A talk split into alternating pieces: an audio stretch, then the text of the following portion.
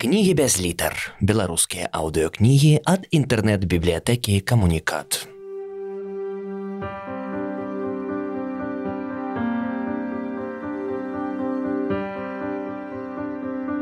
Андрей Федоренко Ланцух Оповесть Алине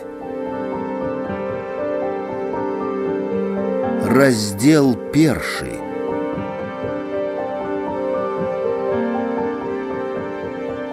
Лето каля 10 гадзін раніцы, а ў кабінеце хірурга 14 мінскай клінічнай бальніцы Стельмаха гарэла святло.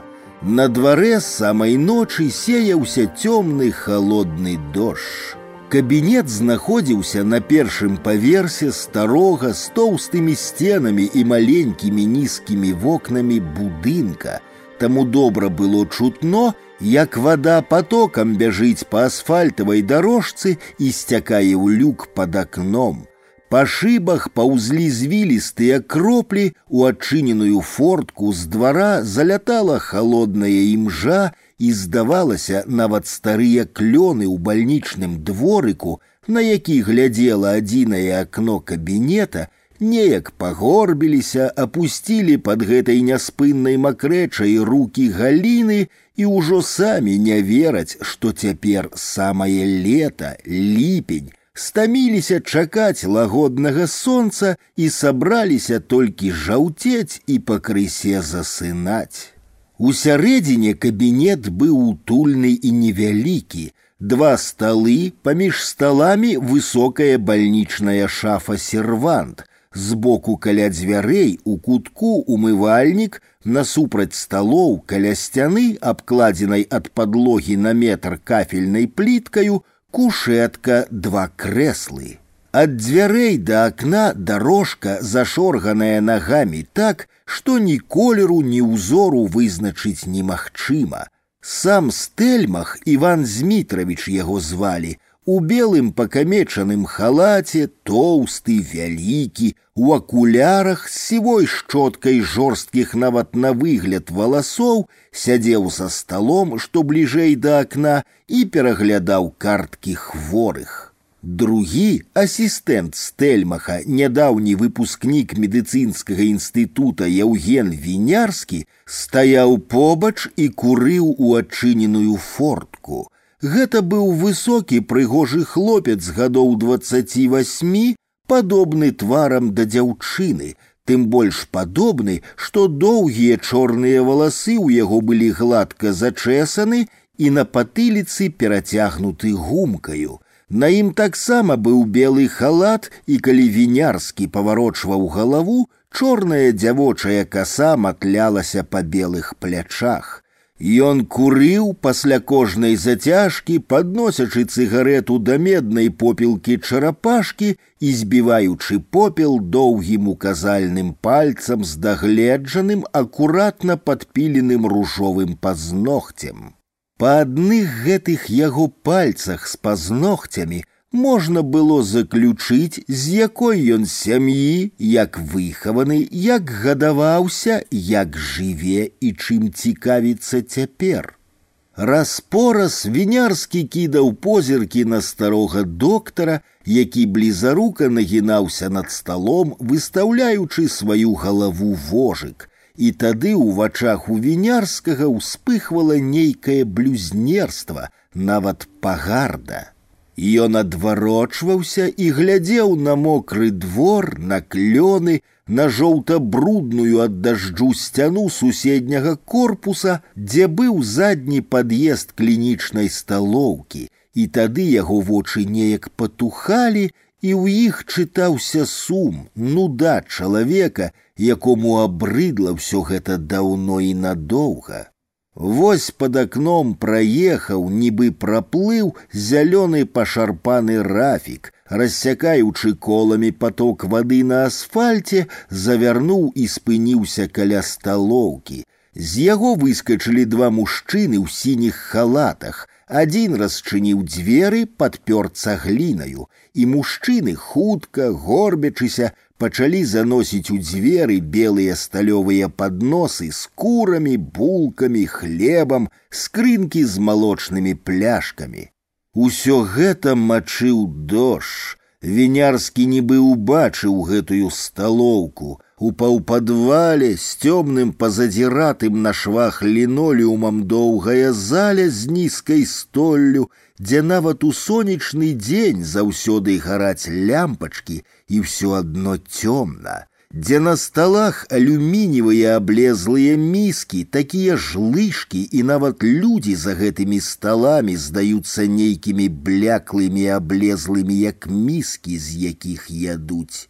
Уявіў і ў яго раптам аж занылі зубы, аж прабегла пад языком аскома і чамусьці забалеў указальны палец. Уявілася, што ён здзірае з гэтага пальца аб шкло пазногаць. Вінярскі нават паклаў палец у рот і прыкусіў пазногаць, Калі перастала балець, ён павярнуўся і пачаў разглядаць стэльмаха, нібы першы раз бачыў. А ён тут усё жыццё сядзіць, глядзіць на гэтыя сцены, на гэты падвал сталоўку, есть з алюмініевай міскі і хоць бы што. З нечаканым раздражненнем падумаў вінярскі. Іван Змітрович сядзеў, глядзеў у кніжку з пажоўклымі старонкамі, трошки нахіліўшы галаву да акна, і вінярскаму быў відаць сівы пушок, якім кучаравілася ўся доктарава тоўстая шыя, які лес аж пад зацёрты, нясвежы каўнер халата і відаць рос і на плячах, грудях, бачылася вуха, з якога тырчэў такі ж сівы пух, нават не сівы, а з нейкай пажоўкласцю. І такая гадзюка спала некалі, ці мо нават і цяпер спіць з жанчынаю, мае дзяцей. Няўжо і ён некалі жыў, як і я жыву, быў малады, пра нешта марыў. Думаў вінярскі, разглядаючы старога хірурга. Стэльмаха ён не полюбіў адразу ж з першай сустрэчы, прычын, каб не любіць было хоць адбаўляй. Іван Змітрович быў няхайны, рассеяны, сквапны, обедаў у клінічнай сталоўцы і умудраўся перабівацца малочным супам з алюмініевай міскі і шклянкай кефіру з чорным хлебам апранаўся заўсёды ў нязменны карычневы касцюм, у якім два гузікі былі прышыты белымі ніткамі. З дня ў дзень у одну і тую ж цёмную кашулю цёмная з карычневым. Без гальштука на нагах адны і тыя ж нячышчаныя з пакрыўленымі збітымі абцасамі чаравікі. Іван Змітрович ні пра што не здагадваўся, Ён паважаў вінярскага, стараўся падобрыцца да яго, раіўся ва ўсім, быццам не ён, а вінярскі за яго быў старэйшы ў два разы. Але маладому доктару гэтая добрасць была асабліва непрыемная. Стэльмах быў вечна заклапочаны, часта замаўкаў сярод размовы, абарваўшы сказ і думаў штосьці. Разоў колькі пасля такіх нечаканых паўз, Ён, наморшчыўшы лоб, пакусваючы вусны, загадкава пазіраў на вінярскага, потым пытаўся, ці ўмее ён захоўваць тайны. Вінярскі, не жадаючы слухаць ніякіх споведзей, адмахваўся, казаў, што няма часу, альбо проста дэманстратыўна паварочваўся і пачынаў насвістваць. Стэльмах замаўкаў, але дзён праз колькі рассеяны, забываўся і зноў пытаў, ці ўмее вінярскі маўчаць. І зноў узнаўлялася спроба споведзі, і зноў адмахваўся малады хірург. Магчыма, калі б вінярскі меўся застацца ў гэтай клініцы надоўга, калі б была патрэба неяк выслужыцца ці скажам падседзець стэльмаха, Ён так бесцырымонна сябе не паводзіў бы, але ён быў упэўнены, што ён тут чалавек часовы, у яго былі зусім іншыя планы. Іван Змітравіч перагортваў, адкладаў у бок тоўстыя кніжачкі з белымі і пажоўклымі старонкамі, углядаўся ў паперкі аналізаў, перачытываў па некалькі разоў заключэнні, але рабіў гэта чыста машынальна. Калі б яго зараз спытаць, нашто ён гэта робіць, якая карысць такога яго чытання, ён хутчэй за ўсё нічога не змог бы адказаць, і толькі развёў бы руками. Радасць перапаўняла яго і перашкаджала засяродзіцца. Сёння ён тут апошні дзень, заўтра ў адпачынак, але не гэта, не адно гэта. Урэшце ён прагартаў апошнюю кніжачку, ляпнуў ёю па стале. Вінярскаму здалося, што ад кніжачкі ва ўсе бакі паляцеў жоўты пыл зняў акуляры з тоўстымі лінзамі, пацёр стомленыя вочы і глянуў на маладога доктара. Вінярскі адвярнуўся. А дай мне курнуць. Папрасіў стэльмах і засмяяўся. Дай, сёння я сабе дазваляю. Вінярскі паморшчыўся, цыгареты былі амерыканскія, дарагія, але дастаў з пляскатага пачка прыгожую цыгарету з залатым абадком. На. Яны былі на ты, стэльмах так захацеў. Вінярскі чыркнуў запальнічкай, стэльмах няўмела пацягнуў разы два і вінавата засмяяўся. З непрывычкі ў яго закружылася галава, і як чамусьці заўсёды апошнімі днямі неяк нядобра, сур'ёзна неяк зашчымела сэрца. Накурыўся, Женя, сказаў Іван Змітравіч, паціраючы сэрца, блізарука углядаючыся ў маладога ўрача. Я да цябе за гэты год прывык, ты мне як родны сын. Рады за цябе. Зараз пачне спавядацца, падумаў вінярскі. Але Іван Змітравіч помаўчаў, узяў са стоса верхнюю кніжачку, разгарнуў, адсунуў на даўжыню рукі, гучна па складах прачытаў: Атеканне канечнасці! І зноў ціха затросся ад смеху. Што ты хихікаеш, як малады казел, груба сказаў вінярскі. Іван Змітравіч ніколькі не пакрыўдзіўся. Ён устаў, быў даволі высокага росту, паварушыў плячыма, размінаючыся, ступіў да вінярскага і прыабняў яго за плечы.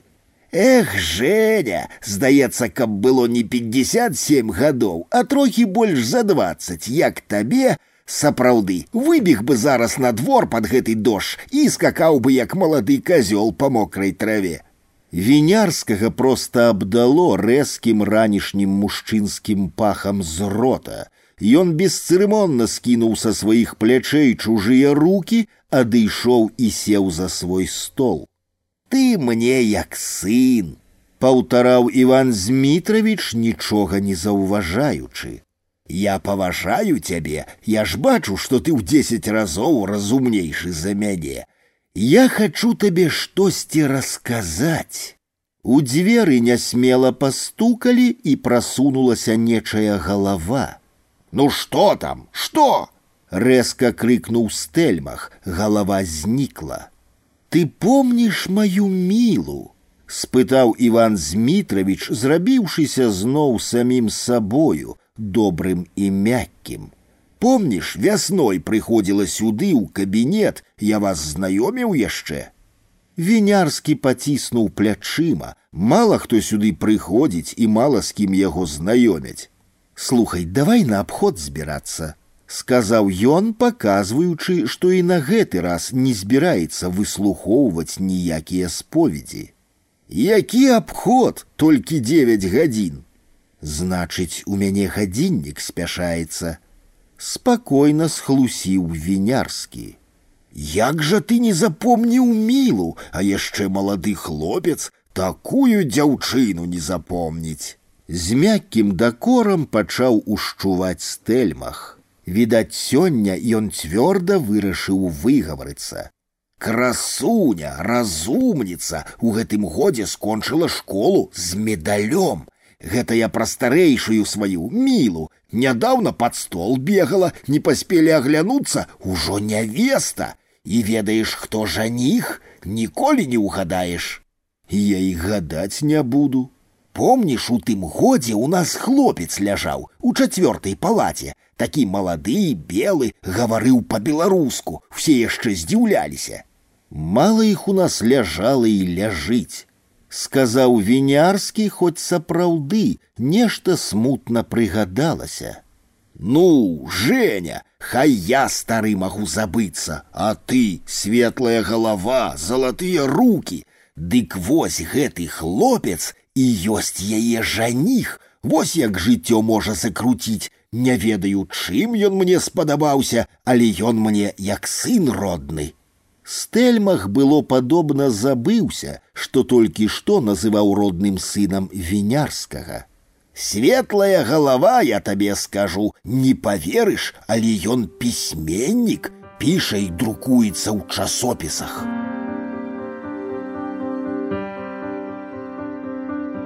Андрей Федаренко, ланцуг, раздел другі.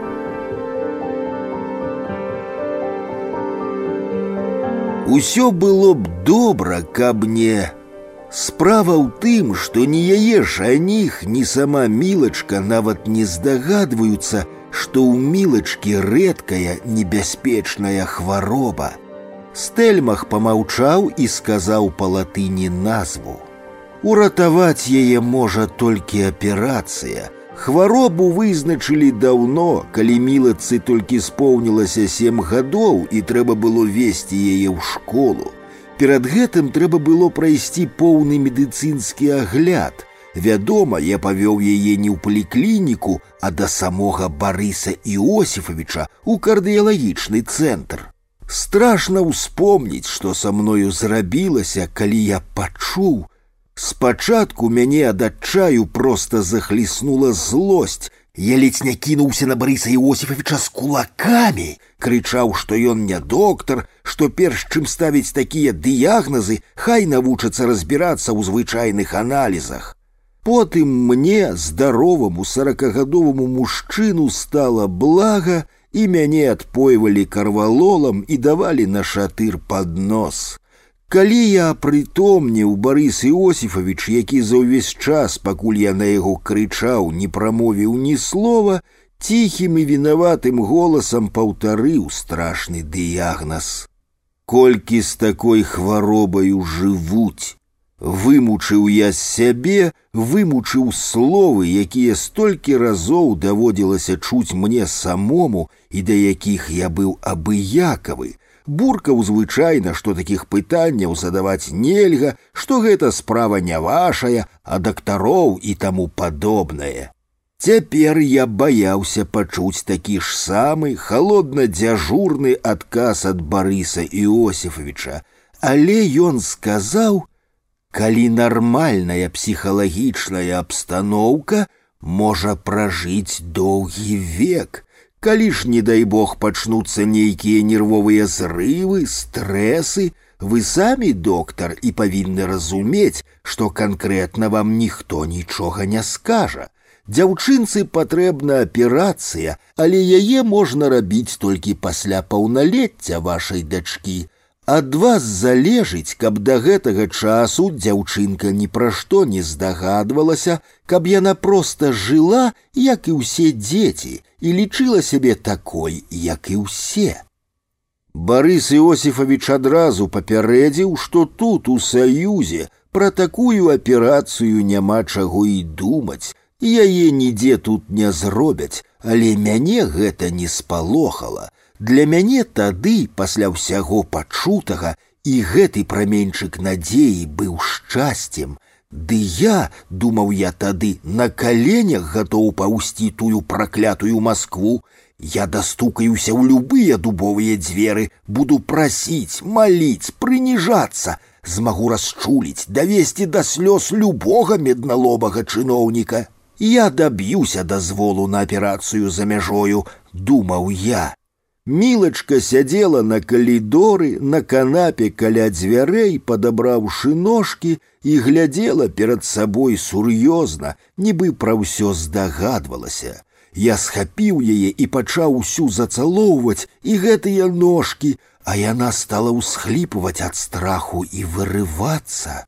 Барыс Іосифович, які таксама выйшаў на калідор і глядзеў на нас, адвёў мяне ў бок і зноў нагадаў, каб ні ў якім разе не пужаў дзіця.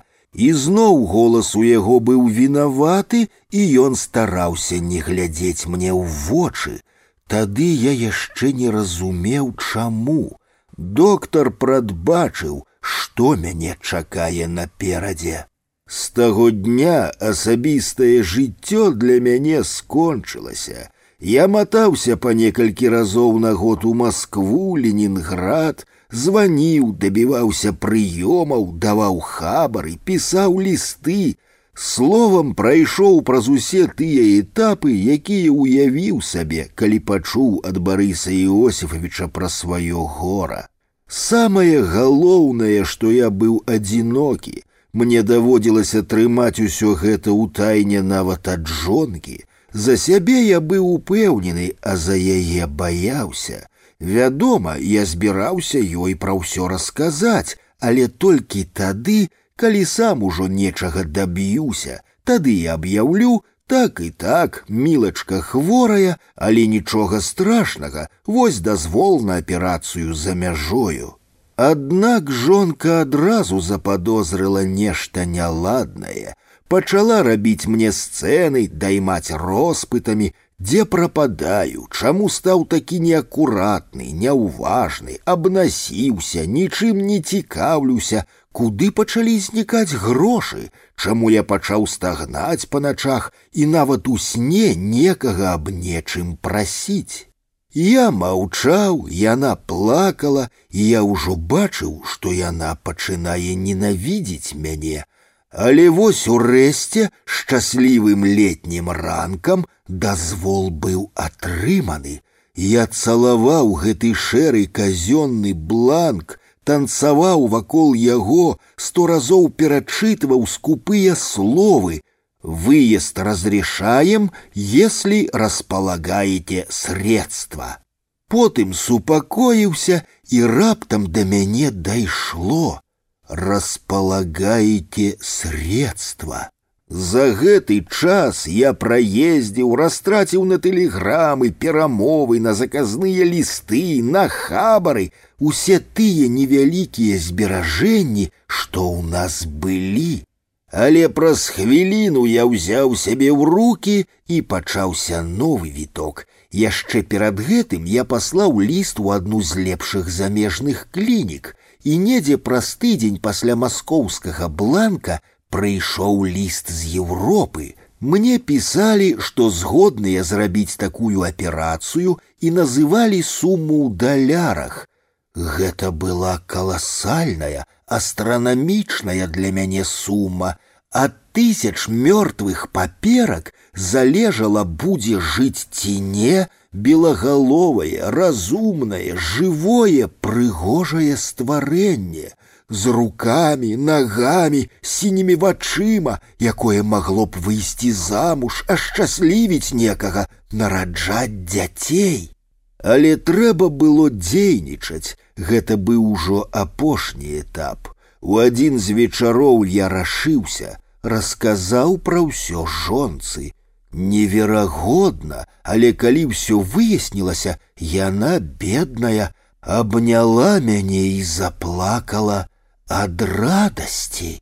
Яна называла мяне самым лепшым у свеце мужам і бацькам. Гэта надало мне новыя сілы.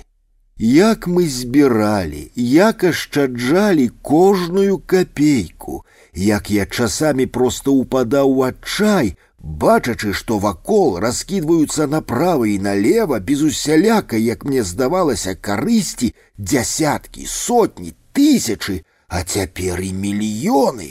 Страшна ўспомніць, але разоў колькі я на поўным сур'ёзе абдумываў, дзе б украсці, каго б абрабаваць.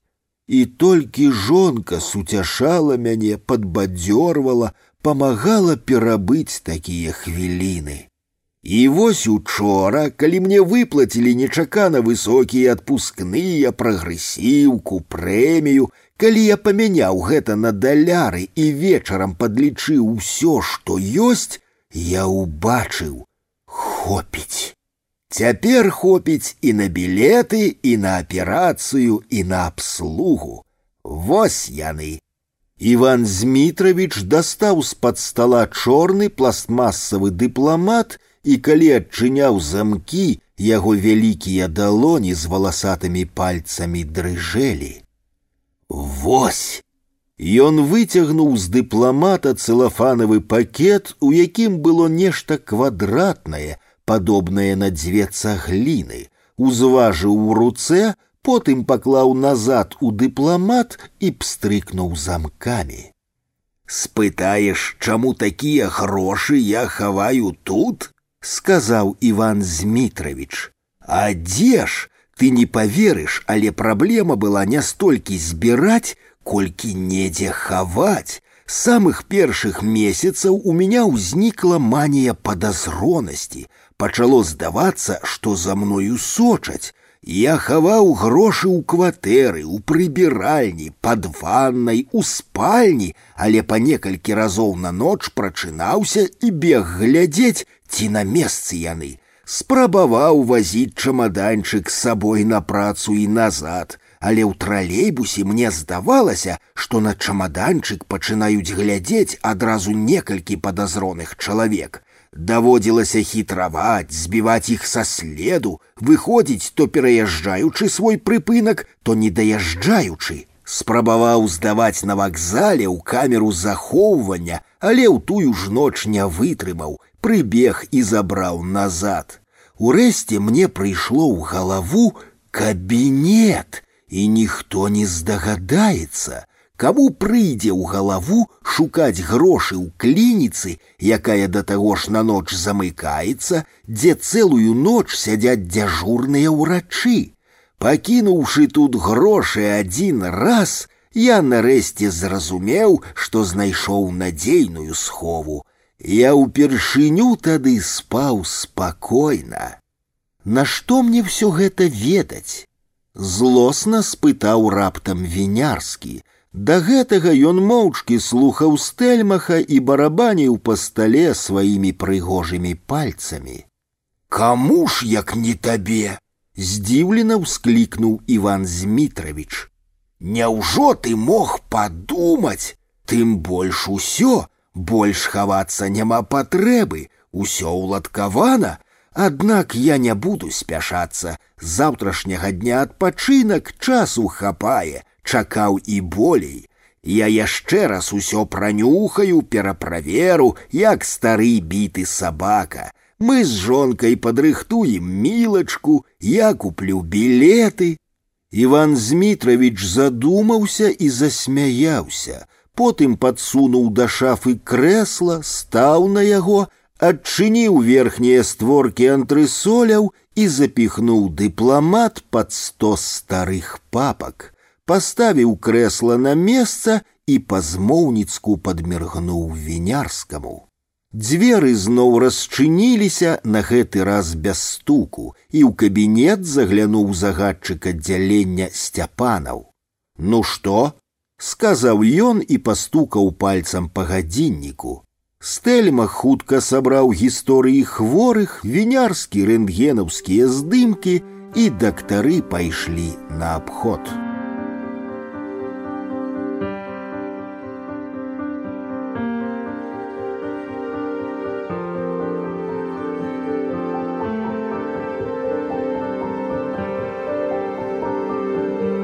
Андрей Федоренко, ланцуг, раздел третий. А шостай гадзіне вечара вінярскі, апрануўшы свой доўгі белы плашч з парасонам пад пахай праз галоўны корпус, так было бліжэй да прыпынку, выйшаў на вуліцу. Дождж перастаў, хмара сплывала за мінск, Адна палавіна вуліцы у тым баку, адкуль павінен пад'ехаць тралейбус, была асветленая нясмелым пакуль сонцам. Так бывае позняй восенню, калі сонца то зырка блісне, то зусім схаваецца. Але паступова паласа шырэла, святлела, набягала сюды на прыпынак. Вось сонечны прамень зіхнуў, адбіўся ад пярэдняга шкла тралейбуса, які выплыў з-за павароту. Вось тралейбус спыніўся, густа плюхнуўшы вадой з калюжыны на ногі тым, хто тоўпіўся блізка. Вось натоўп паваліў яго, аж затрашчалі дзверы, а сонечная паласа пабегла і пабегла сабе далей, заліваючы святлом паўгорада. Вінярскі пастаяў, паглядзеў на тралейбус, уявіў, як яму будуць наступаць на ногі, запэцкаюць плашч, будуць дыхаць у твар, будзе пахнуць спяцоўкамі і прэлымі парасонамі. Павярнуўся і пайшоў пехатою, як рабіў не раз. Ісці было далекавата праз увесь праспект ажно ў вяснянку, Затое цалейшыя былі нервы і дарогаю добра думалася. Вінярскі расшпіліў плашч, дастаў цёмныя акуляры, мокры тратуар блішчэў пад сонцам і пайшоў няспешна, трымаючыся далей ад краю тратуара. На мосце праз свіслач ён закурыў, перагнуўся, стараючыся не запэцкацца аб мокрыя чыгунныя парэнчы, папляваў уніз, цэлячы слінаю ў качку, якая плавала і нырала блізка каля моста. Пакуль стаяў, яго прамінулі двое п'яных, ішлі хістаючыся, трымаючы пад рукі адзін аднога, і пранеслі за сабою свой адмысловы пах. Вінярскаму зрабілася гідка, і ён павярнуўся, каб зірнуць ім услед, і ўбачыў, што і п'яныя спыніліся і глядзяць на яго. Ён абышоў іх і зноў той жа пах. Вінярскі не любіў людзей, і гэтых п'яных, і тых, каго ён цяпер абганяў, і тых, што яго абганялі, і тых, што панабівалі сабою, як селядцы бочкі, аўтобусы і тралейбусы і ездзілі ў іх туды-сюды па праспектах і вуліцах. Ва ўсіх вачах, што на яго глядзелі, ён чытаў толькі прасцейшыя жывёльныя інстынкты, убіцца, уплішчыцца ў тралейбус, дабрацца да ларка, да таннага разбаўленага піва, набухацца, атупець яшчэ больш. Гэта ў мужчын, у жанчын растаўсцелых да сарака гадоў як пацукі на кармавых дрожжах дапасці да нейкай чаргі адстаяць пасварыцца схапіць урэшце ў руку чаканую сінюю палку крухмальнай варанай каўбасы ад аднога выгляду якой нармальнага чалавека павінна зблажыць Згадаліся раптам свае пацыенты з загноенымі дзіркамі на руках і нагах, з пакрыўленымі няправільна зрослымі пасля пераломаў касцямі, запухлымі перакошанымі рожаю тварамі, з выродлівымі як шары фурункуламі. І ў гэтых вачах тое ж жывёльнае, выратуй, пазбаў ад болю, выпусці гной, накладзі швы, здымі рожу, каб зноў мы маглі піць сваё піва і стаяць у чэргах па сінюю каўбасу. Вінярскаму прыйшло ў галаву, што з яго можа атрымацца добры хірург. Ён ніколі не пашкадаваў ніводнага свайго пацыента, заўсёды адчуваў да іх толькі агіду, Яны былі для яго менавіта пацыенты, а не жывыя людзі, а гэта добра. Усе вялікія ці проста добрыя хірургі, якіх ён ведаў ці пра якіх чуў у інстытуце на лекцыях, былі жорсткія. Там мне гэта прыдасца, падумаў ён, а тут трэба больш практыкавацца, набіваць руку. Павярнуў на праспект любімае сваё месца, шырокі, прыгожы, абсаджаны каштанамі, з кветкамі ў клумбах паўз тратуар. Вінярскі любіў гэты праспект яшчэ і таму, што тут хоць зрэдку дзе-небудзь каля планеты ці юбілейкі можна было пачуць чужую мову і ўбачыць сапраўдных, свабодных, шчаслівых і багатых людзей. Ён ішоў паволі, пазіраючы вакол і прыслухоўваючыся, і сапраўды раптам каля газетнага кіёска пачуў англійскую мову. Мужчына ў белых шортах, у белай кашулі і ў белым гальштуку, у цёмных акулярах паказваў на нешта ў кіёску сваёй сяброўцы, маладой жанчыне таксама ў шортах з фотоапаратам у руцэ, і абое смяяліся. І вочы ў жанчыны чыстыя, бестурботныя, і смех у абаіх дзіцячы і бестурботны. Вінярскага нібы працяло токам ад гэтага смеху, а жыло раптам у душы таксама нешта чыстае і светлае, і захацелася абняць гэтых людзей, узяць пад руку жанчыну, ісці разам з імі некуды і ні аб чым не думаць, Але хутка ён апамятаўся, прыгорбіўся і пайшоў хутка, ні на кого ўжо не гледзячы. Толькі сярод такіх людзей я сам адчуваю сябе чалавекам, значыць, мне і трэба быць увесь час сярод іх, думаў ён. Але гэта даўно было зразумела, не тое, нешта не тое. І вінярскі паспрабаваў адпусціць у сабе тую струну, якая з самай раніцы пасля расказа стэльмаха звінела ў ім і ўсё накручвалася і накручвала на сябе нейкія пабочныя думкі і пачуцці, перашкаджаючы думаць пра галоўнае.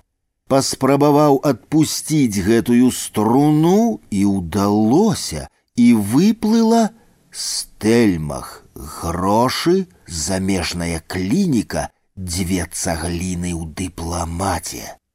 Але што яму вінярскаму да гэтага, і ён зноў захацеў закруціць струну, не думаць пра стэльмаха, а марыць пра самае сваё запаветнае, чым жыў з дня ў дзень вось ужо колькі гадоў яшчэ з інстытута.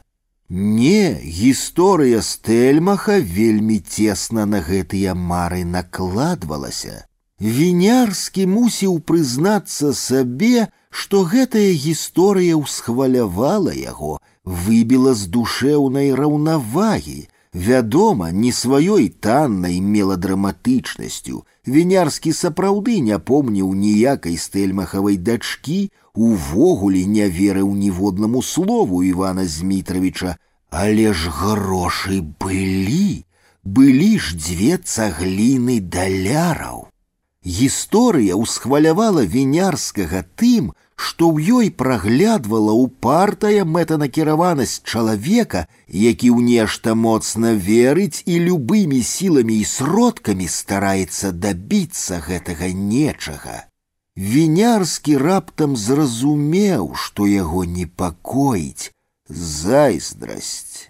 Яму было зайздросна і крыўдна, што акрамя яго ёсць яшчэ людзі, якія нечага ад жыцця хочуць, а тым больш такія, як стэльмах, Гэта была інстынктыўная крыўда і ўрэшце злосць маладога самца, што вынайшаў спосаб збіваць бананы з дрэва палкаю і раўніва хаваў сваё вынаходніцтва, пакуль знянацку не ўбачыў, што і другі самец слабы і ўжо непрыдатны для размнажэння, таксама карыстаецца такою ж палкаю.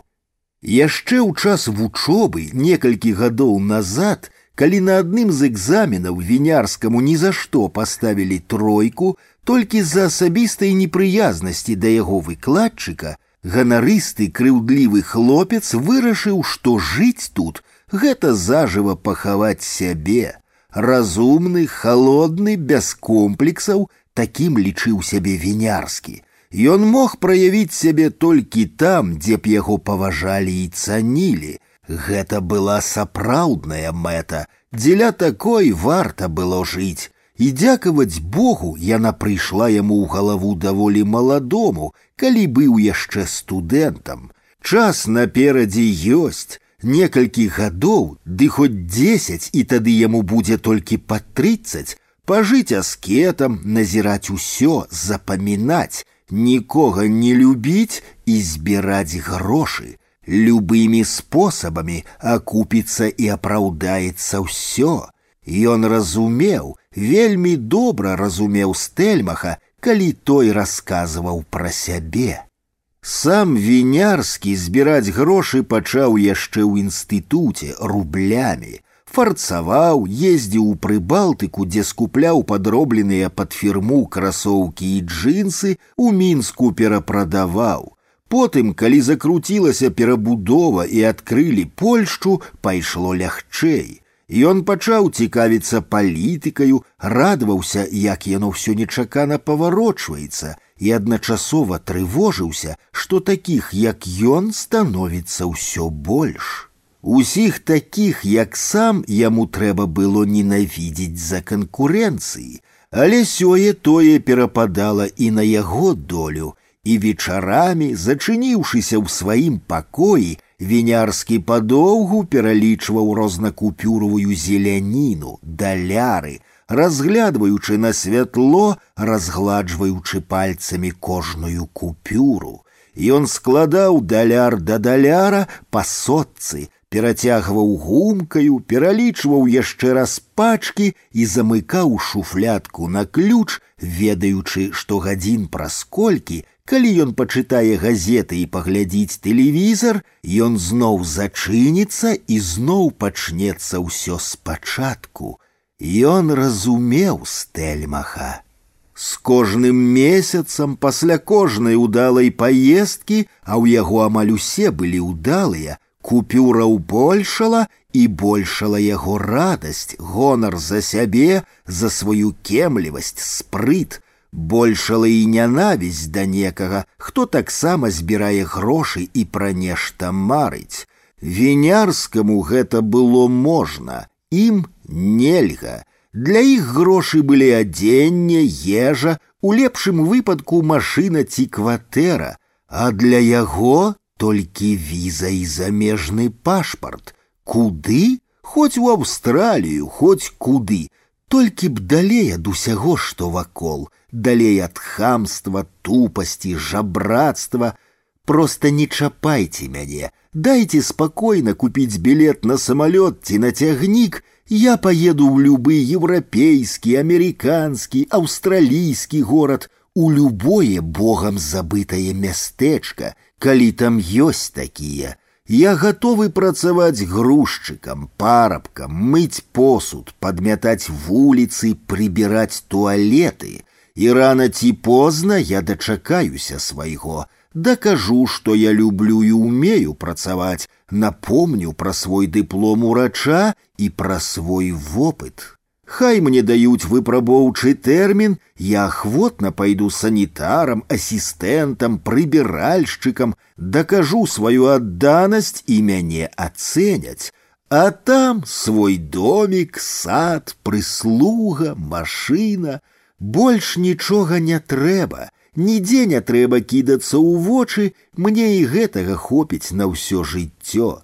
Галоўнае будзе акуратны гарадок, дахі з чырвонай чарапіцы, клумбы з ружамі, чыстыя вуліцы, ціхі вечар і людзі, якія ўмеюць радасна смяяцца, як гэтыя каля кіёска, не баючыся, што на іх будуць азірацца і круціць пальцамі каля скроняў. Яму нікога і нічога не шкада будзе тут пакідаць. Бацькі, бедныя затурканыя маралісты, Маці без пары сівелая, напаўслепая ад вечнага чытання чужых сшыткаў, закладам настаўніцы, які больш нагадвае жабрацкую міластыню, чым плату за такую катаржную працу. Бацька будаўнік, які ўсё жыццё ляпіў тыпавыя, падобныя адна на адну, як васковыя ромбы ў сотах, цёмныя цесныя клеткі, так званыя кватэры – Што яны бачылі, што ведаюць, для іх вяршыняй шчасця было тое, што ён скончыў медыцынскі інстытут, а найбольшая мара, каб ён гадоў да пяцідзесяці дабіўся таго, што ёсць цяпер стэльмах. Але яны нават не здагадваюцца, якая старасць іх чакае. Вядома, ён забярэ іх адсюль, за імі будзе дагляд, лепшая медыцынская дапамога, лепшыя курорты, спакой. Хоць пад канец жыцця яны павінны ўбачыць, што свет намнога шырэйшы і святлейшы за трохпакаёвую клетку панельнага дома ў вяснянцы. Вінярскі падумаў пра жану. Не, і жану шкада пакідаць тут. Шкада нават не столькі жаны, колькі таго ўспаміну, што з ёю звязаны, як яна голая выціралася ручніком у ванным пакоі, паставіўшы нагу на край ванны, нагнуўшыся. Часто бывае, асабліва на гарадскіх людных вуліцах, што пра каго падумаеш, таго хутка і сустрэнеш, і неяк інтуітыўна вінярскі пачаў пазіраць на сустрэчных дзяўчат. Вось прайшла з такімі ж доўгімі прыгожымі нагамі, але белая, а жана чарнявая. Вось дзве чарнявыя і такія ж высокія з такімі ж нагамі, але ў адной тонкія вусны, другая зусім маладая, відаць школьніца. А ў жаны вялікі рот, поўныя вусны і менш двацаці гадоў ніяк не дасі. Каля юбілейкі ён спусціўся ў пераход, выйшаў на другім баку вуліцы, якраз на прыпынак, і знянацку убачыў жану, Яна сядала ў чырвоную мазду, каля якой стаялі мужчыны і курылі. Кроў кінулася яму ў галаву, але разам з тым яго ахапіла цікаўнасць, жаданне паглядзець, што ж будзе далей. Нібы ён атрымаў магчымасць паглядзець у шчылінку ў пакой, дзе паслалі маладым пасля вяселля. Ён спыніўся сярод людзей на прыпынку і пачаў назіраць за машынаю. Мужчыны курылі, пазіралі на другі бок вуліцы, хутка з пераходу выйшлі дзве тыя самыя чарнявыя і высокія, і адна, падобная на школьніцу, праходзячы каля вінярскага, сказала рэзка: « Не магу, я так. І далей не пачулася, але разанула па вушах і па нервах. Дзяўчаты селі ў мазду, якая адразу ж кранулася і паехала. Мужчыны прайшлі трохі ўперад, дзе каля тратуара стаяла яшчэ адна новенькая машына. А ты не ведаў, што жана прастытутка, папытаў у сябе вінярскі. Не, пакідаць яе тут нельга. Ён адпомсціць ёй, Калі все наладзіцца, ён выпіша яе туды да сябе, выкарыстае да апошняга, а тады проста выкіне на вуліцу у яе родную стыхію. Пад'ехаў тралейбус, вінярскі механічна зайшоў у яго і неўзабаве ўжо сыходзіў на сваім прыпынку каля фінскай запраўкі. Дома ён скінуў плашч, але пераапранацца не стаў, не стаў і есці, нават не зайшоў на кухню, сеў у сваім пакоі ў крэсла і выдаўжыў ногі. Пастукала матка, зайшла. Будзеш есці на кухні ці прынесці сюды? Не, прынясі лепш кавы. Што-небудзь здарылася? Нічога, толькі галава баліць. Можа, не пі кавы, Яна падышла і пагладзіла сына па галаве, патрымала ў руцэ касу, спытала проста так, ведаючы, што ён усё адно зробіць па-свойму. Доўга сядзеў, піў каву і ўсё пра нешта думаў у той вечар вінярскі.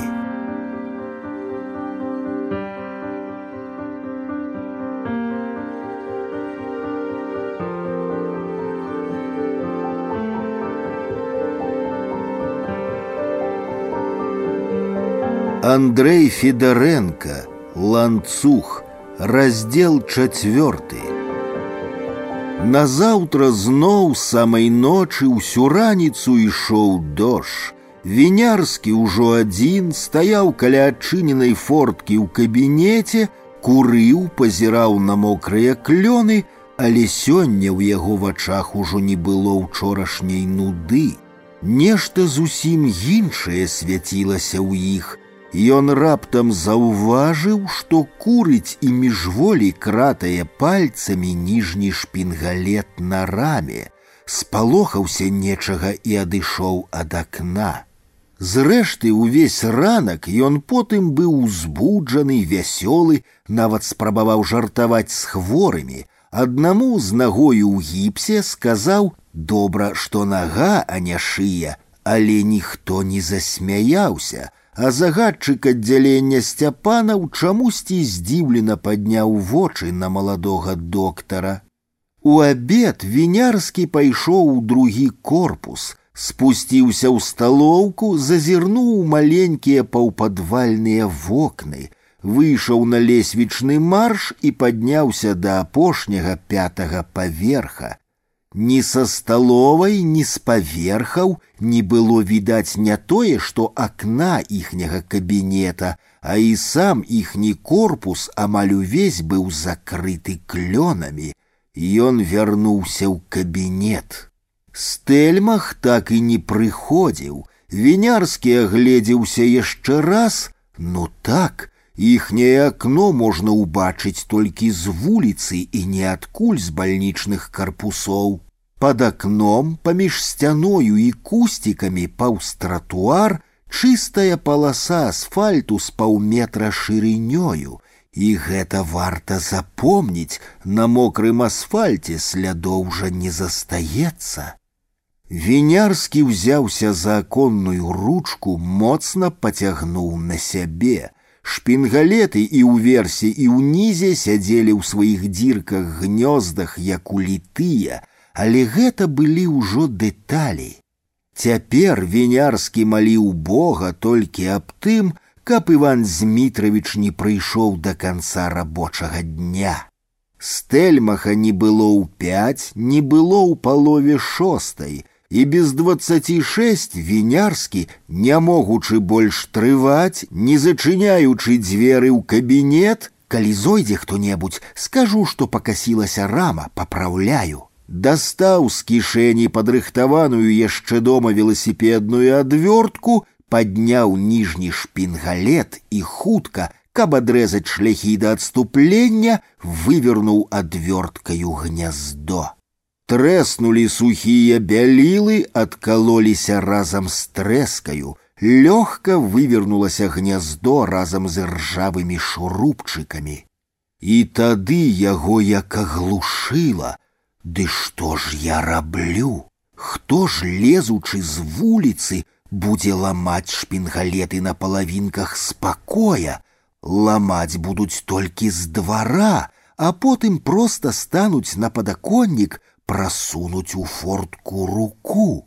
З адчаю ён ударыў далоняй па знадворнай раме, дзе сыходзіліся палавінкі, і здалося гэты гук трымцення шкла, пачула ўся клініка, уся вуліца, што стэльмах ці яшчэ нехта нячутна зайшоў і стаіць за спінаю. Але вінярскі нават не азірнуўся, з мясам павыкалупваў з гнілаватай рамы гнёзды, апусціў назад шпінгалеты. Нечакана вся яго выдумка здалася яму страшэнна арыгінальнай і праўдападобнай, выцягнулася ўся ў ланцужок, Ён аж засмяяўся, закурыў, тады толькі агледзеўся, прыслухаўся. Нідзе нікога, звычайныя гукі бальніцы. Просто націснулі на створкі з двара, створкі падаліся, трошки адышлі, тады подсунули знізу ў шчылінку звычайную адвёртку, вывернули гняздо, тое ж зрабілі зверху, залезлі на падаконнік, не, не залезлі, а стоячы знізу нечым выламалі і ніжні шпінгалет унутраных палавінак. А потым схамянуліся, што фортка адчыненая і можна рукою дастаць. Тады залезлі на падаконнік і ўсё, чаго сюды лезлі, Гэта трэба пытацца ў тых, хто лес. Ці не думаеце вы, што гэта я зрабіў? Калі б я хацеў нешта тут украсці, я зрабіў бы гэта, не ламаючы рамы. Самае дзіўнае, што гэты доказ, калі б ён вінярскі краў, дык не ламаў бы рамы, здаваўся яму ў той момант абсалютна пераканаўчым. Не стаў чапаць больш створкі, хай будуць прычыненыя, Наўрад ці той, хто вылез бы праз акно, клапаціўся б зачыняць іх. Хуценька замкнуў дзверы, стаў на крэсла, выцягнуў з-пад папак дыпламат і толькі калі саскочыў на падлогу і паклаў яго на стол, падумаў: А што, калі б яго не было тут? Вельмі проста, сто разоў стэльмах учора мог бы забраць. Але дыпламат быў, вось ён ляжыць на стале. Вінярскі паспрабаваў адчыніць яго, нічога не выйшла.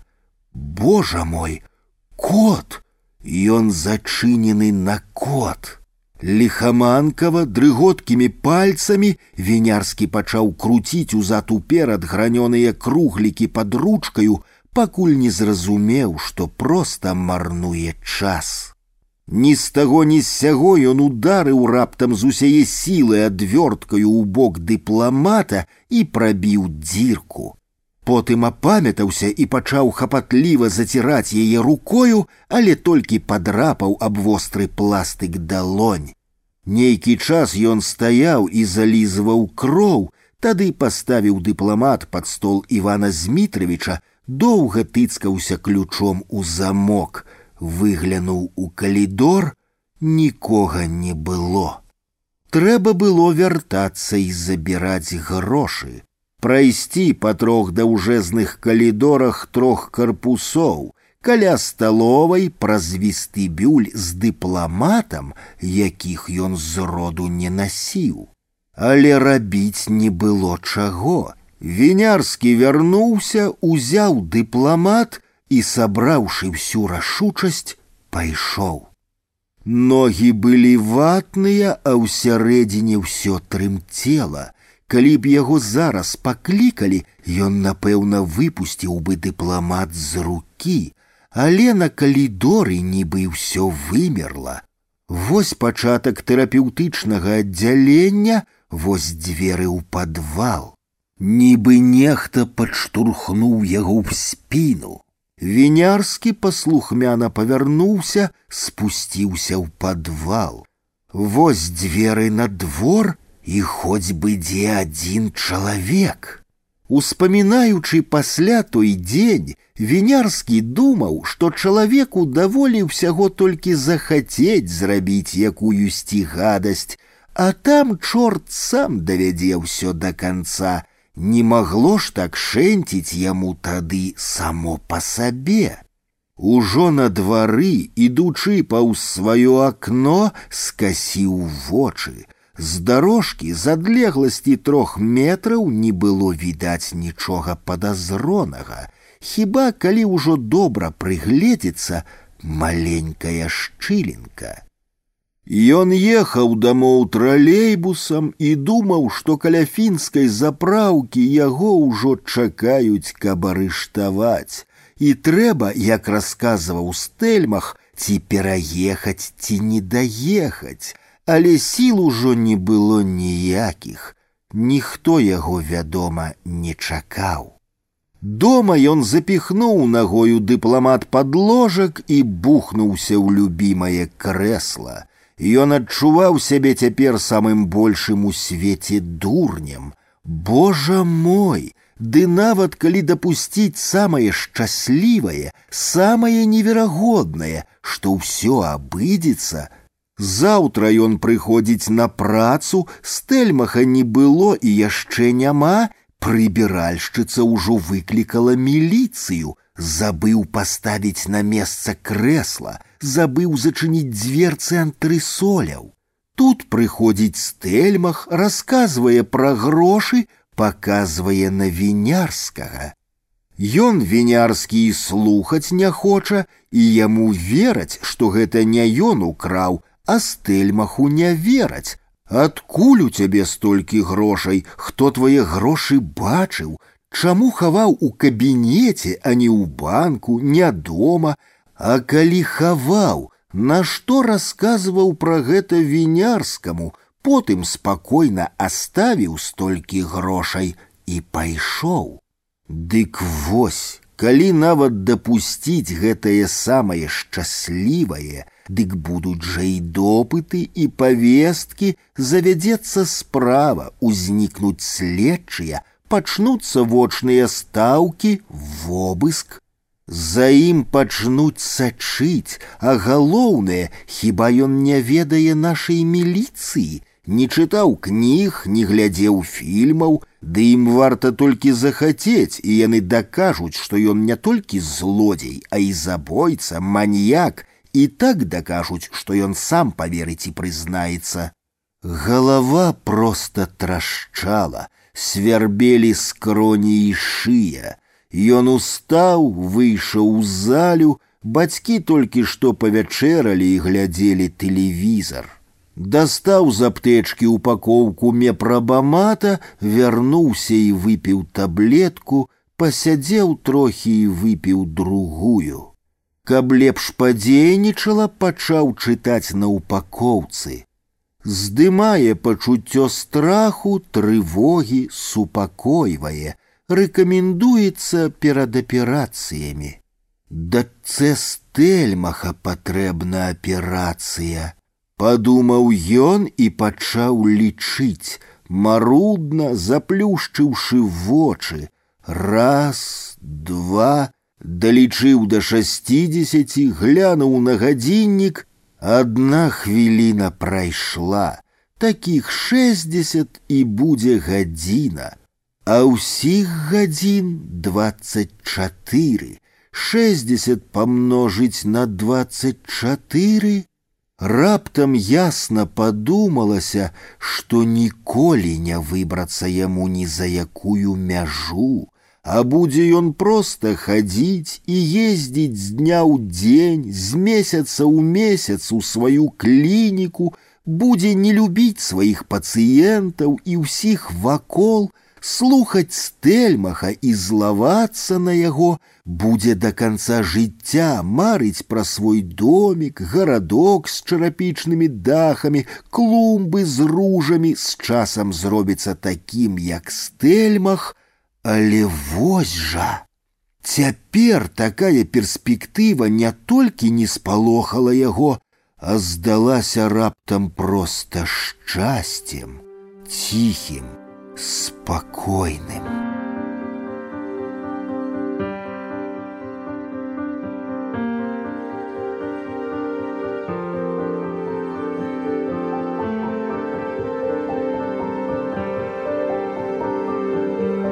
Андрей Федоренко «Ланцух» Раздел пятый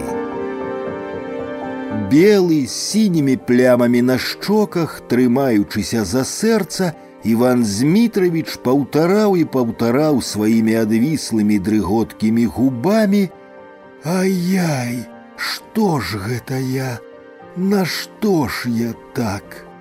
Яны з вінярскім сядзелі побач на крэслах каля сцяны. За акном ізноў было цемнавата, цірусіў дождж, у кабінеце ізноў гарэла лямпачка – Следчы малады прылізаны ветліва жорсткі капітан сядзеў за сталом вінярскага і пісаў, тоўсты як бочка міліцыянер у фуражцы аглядаў падаконнік. Маленькі спалоханы загадчык аддзялення сцяпанаў стаяў каля дзвярэй, трымаючы руки ў кішэнях халата, а за сцяпанавым у самым парозе санітарка яшчэ ніжэйшая ростам загалоўнага хірурга. Пазіраючы на іх, асабліва на сцяпанова, заўсёды такога ветлівага, ціхага, вінярскі падумаў, што вось-вось не вытрымае ўсяго гэтага і прызнаецца. Не ад таго, што так страшна бегала па паперы рука следчага, не адрухаў каля акна тоўстага міліцыянера і нават не ад таго, што стэльмах толькі што пры ўсіх расказаў сваю гісторыю і яму безумоўна поверылі. Вінярскаму захацелася прызнацца ад жалю і скрухі, якія ён бачыў у вачах сцяпанавай санітаркі, калі тыя на яго глядзелі. Вы можете ісці, сказаў капітан, не падымаючы галавы, але ўсе зразумелі, каго гэта тычыцца, і санітарка выйшла, а следам спатыкнуўшыся бокам вылез сцяпанаў. Міліцыянер скончыў агляд і павярнуў да следчага свой пляскаты быаладка абыякавы твар. Што з кабінета ламалі? спытаў следчы. Адсюль з сярэдзіны ўсё вывернута, на падаконніку нават следу няма. Міліцыянер зняў фуражку, абапёрся шырокай задніцай на падаконнік. Стэльмах! Іван Змітравіч зрабіў спробу ўстаць, капітан кіўком далоні паказаў, што можна сядзець. Я буду зараз чытаць, а вы папраўляйце. І так сёння каля 7:00 гадзін раніцы вы адначасова з санітаркай зінько Марыяй Зыгмундаўнай полькай 37 -го года нараджэння беспартыйнай несудзімай зайшлі ў свой кабінет і ўбачылі, што акно прачыненае. Так, я яшчэ з двара ўбачыў, што нешта не тое, сэрца торгнулася, Я ж тут кожную трэшчынку ў сцяне ведаю, кожнае акенца, Усё ж тридцать гадоў, як хаджу гэтым дваром.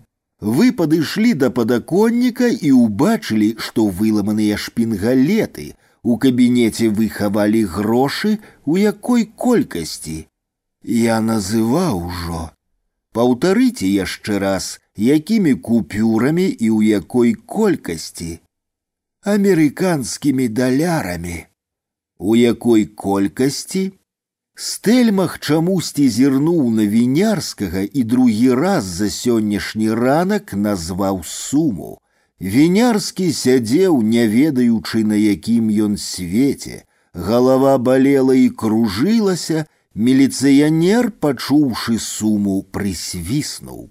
Перад гэтым вы рассказывалі пра грошы вінярскаму хірургу асістэнту. Больш пра месца знаходжання грошай ніхто не ведаў. Ніхто. І у вас ёсць падазрэнне, што грошы ўзяў менавіта вінярскі. Вы хочаце ўзбудзіць супраць яго крымінальную справу? Так, прашаптаў стэльмах. Напишите ўнізе з моих слов записано правильно и поставьте аўтограф. Рука у стэльмаха так дрыжэла, што следчы прамовіў. Спакойней, не вы шукралі, а у вас цудоўна. Вінярскі, імя, імя па бацьку, год нараджэння, дата, месца, нацыянальнасць, хатні адрас, ці былі судзімасці, прыводы ў міліцыю, атрымаўшы адказы, запісаў і ні пра што больш не пытаючыся, падняўся з-за стола. Пойдзеце з намі. Вінярскі торгнуўся назад да сцяны, і міліцыянер адразу ж зрэагаваў, выпраміўся, прайшоў і стаў каля дзвярэй, насмешліва пазіраючы на яго. Я прашу вас, таварыш, Абвостраная прага ратунку падказала вінярскаму, што трэба спадабацца капітану. Таварыш палкоўнік, выслухайце мяне. Дзеля гэтага мы вас і забіраем, у нас будзе дастаткова часу. Следчы зрабіў паўзу, каб выслухаць вас. Паслухайце цяпер, я прашу, замаліўся вінярскі, жадаючы толькі аднаго, каб не ў гэтую вось хвіліну яго павялі праз увесь калідор. Так учора Іван Змітравіч расказваў мне пра нейкія грошы, але я не слухаў яго, ніколі не слухаю, я не зразумеў нічога. Ну, суха сказаў капітан. Але чаму вы не пытаецеся, адкуль у такога чалавека такая сума? Паглядзіце на яго, чаму вы яму верыце на слова. Ай-яй, што ж я нарабіў? казаў стэльмах, закрываючы далонямі вочы і нахіляючыся разам з крэслам наперад, нібы вось-вось збіраўся ўпасці. Таварыш палкоўнік, я прыпамінаю, Учора стэльмах казаў, што гатоў пайсці на любую подласць, украсці, абрабаваць, каб толькі зарабіць грошы. Было такое, Іван Змітрович. Ай-яй-яй, казаў стэльмах. Таварыш следчы, гэта звычайная правакацыя. Горача даказваў вінярскі. У ім загарэлася надзея выдумать мифичную историю про даляры, подстроить ихний крадеж, звалить на того, кому история была рассказана. «Ходем, ходем», — сказал капитан, гледячы на гадзіннік. Міліцыянер ступіў да вінярскага. Але я не краў нічога, Іван Змітрович, прызнайцеся хоць вы, скажыце, што ніякіх грошай не было. Што ж я нарабіў? Як заведзены паўтараў стэльмах. Тады забірайце і яго, крычаў ужо абы што вінярскі, нашто яму трэба было, каб забіралі і стэльмаха. Вінярскі з усіх сіл рвануўся з наручнікаў, якія невядома адкуль узяліся на яго руках і прачнуўся. Ён спаў апрануты ў крэсле галавою на часопісным століку, шыя і руки пазацякалі і балелі. Прачнуўшыся, яму захацелася прачнуцца яшчэ раз, каб і цяперашняе аказалася толькі страшным сном, але зразумела было усё, больш прачынацца няма куды. Была гадзіна ночы. Сон не прынёс палёгкі, мепрабамат не зменшыў страх. Усё яго наркатычнае дзеянне пайшло на тое, каб у сне змадэляваць рэальную сітуацыю, якую перад гэтым абдумываў вінярскі наяве. Наперадзе была целая ноч со сваімі секундамі, хвілінамі і гадзінамі.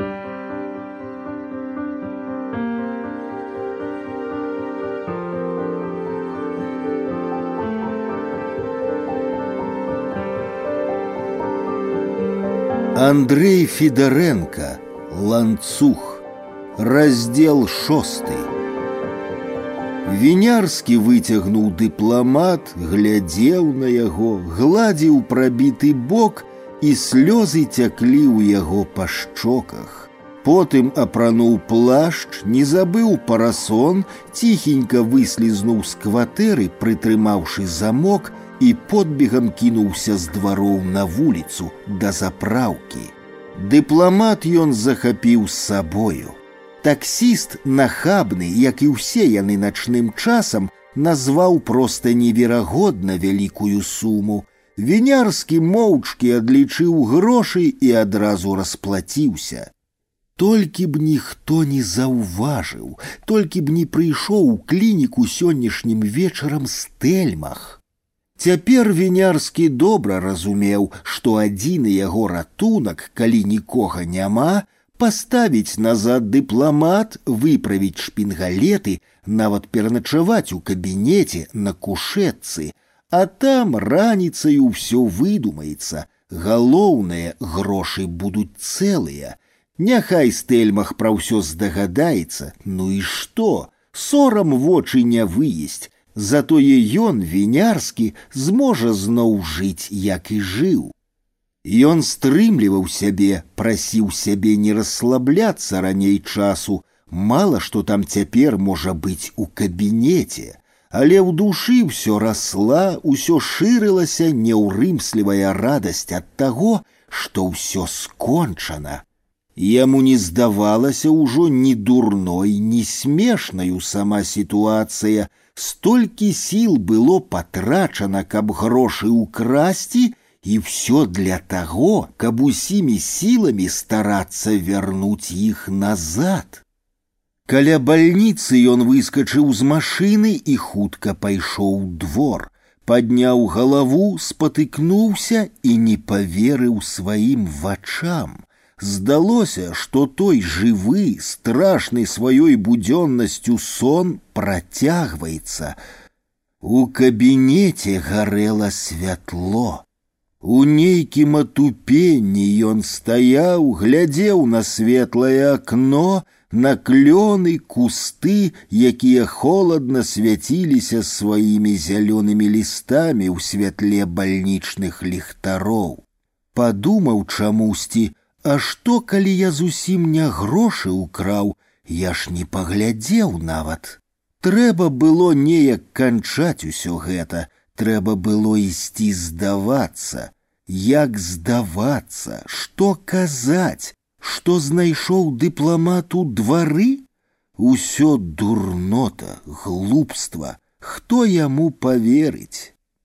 Ледь перастаўляючы ногі, вінярскі пацёгся назад на вуліцу, падняўся на ганак галоўнага корпуса і пазваніў. Адразу ж заледзь асветленымі шклянымі дзвярыма праплыла постаць вахцёркі. І вы прыехалі?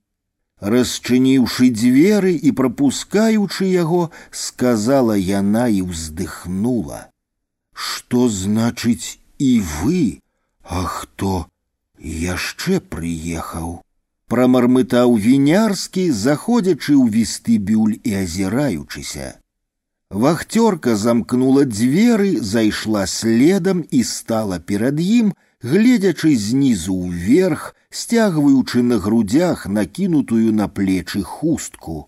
Маленькая і нязграбная, як чарапаха. Дык хто прыехаў? стараючыся быць развязным, паўтарыў вінярскі. Міліцыя ці хто? Прычым тут міліцыя, жонцы трэба званіць, строга сказала вахтёрка. Чыёй? Стэльмахавай? А што такое? Іван Змітрович у рэанімацыі цяпер з сэрцам кепска. Я думала, вы таму і прыехалі не верачы раптоўнай здагадцы, ад якой перахапіла дыханне і застукала ў скронях, баючыся распытваць далей, вінярскі, як быў з дыпламатам у руцэ, павярнуўся, каб бегчы ў свой корпус. У кабінеце схапіла, сказала яму ў спіну вахцёрка. Прыйшоў сюды гадзіну сем, такі рады, а чаго прыйшоў? Дзверы ў кабінет былі адчыненыя. У дзвярах вінярскі сутыкнуўся з медсястрою, яна саступіла, прапускаючы яго. Ён задыханы спыніўся ў парозе, абег вачыма кабінет, стараючыся зараз не прапусціць нічога, усё зразумець з гэтага агляду. Кушетка стаяла пасярод кабінета, барадаты тэрапеўт суседняга аддзялення ў кутку мыў руки і нават не зірнуў на вінярскага. Затое сцяпанаў, які сядзеў за сталом стэльмаха і нешта на паўголаса гаварыў, убачыўшы вінярскага, змоўк і ўтаропіўся ў яго. Акрамя гэтых двух і сястры, што выйшла, не было нікога, моцна пахла спіртам. А дзе? прамовіў вінярскі, паказваючы на кушетку. Сцяпанаў страсянуў галавою і перастаў глядзець так дзіўна. У рэанімацыі наверсе, адказаў ён. Ёсць надзея? Мала, доўга ляжаў тут, позна знайшлі. Інфаркт. Нічога дзіўнага з такой камплекцыяй адазваўся тэрапеўт, павярнуўшыся і выціраючы руки аб кішэні халата. Вінярскі прайшоў да акна, палавінкі былі прачынены, як ён і пакідаў. Бачыў, хто ці не, што шпінгалеты зламаныя, сказаць зараз пра гэта ці зрабіць выгляд, што нічога не заўважаю і проста хачу прычыніць акно. Ён узяўся за ручку. Не трэба, пачуўся ззаду голас Сцяпанова. Хай праветрыцца. Я падымуся наверх, сказаў тэрапеўт. Позвоню, калі што. Сцяпанаў правёў яго да парога і ў парозе зноў пагаварыў з ім пра нешта. Калі тэрапеўт пайшоў, павярнуўся да вінярскага. А ты як тут сярод ночы. Выпадкова ехаў на таксі з жанаю, убачыў з вуліцы, што святло гарыць. Жана сяброўка жыве ў вяснянцы, можаце праверыць. Па мне, хоць у серабранцы, усміхнуўся сцяпанаў. Я просто гляджу ты з чамаданчыкам. А гэта так, браў з сабою. Вінярскі асцярожна паклаў дыпламат на стол дзіркаю вниз. Але як тут стэльмах апынуўся у ночы, у яго ж адпачынак з учарашняга дня. Мала што забыў нешта, прыйшоў забраць. А як яго знайшлі? З суседняга корпуса ўбачылі, што святло гарыць. Адтуль жа не відаць нашага акна. Вінярскі ведаў, што так гаварыць нельга, але спыніцца не мог, і зноў здзівіўся сцяпанаў. Удзень можа і не відаць, а ўночы ўсё тут свеціцца, ды і бачылі яго, зайшоў і няма, і няма. Ён вінярскі сабраўся з духам. Нічога не казаў. Якое казаў, сіні ўвесь, вось страшная дурная смерць доктара ў бальніцы. Ды якая смерць, нічога невядома яшчэ, пакуль у рэанімацыі нічога яшчэ невядома. Сцяпанаў помаўчаў, сказаў: а я ў сябе буду і пайшоў. Калі за ім зачыніліся дзверы, вінярскі зноў на гэты раз добра, уважліва агледзеў кабінет. Дзверцы антрысоля ў шафе былі зачынены, крэсла каля шафы не стаяла, але гэтага не магло быць.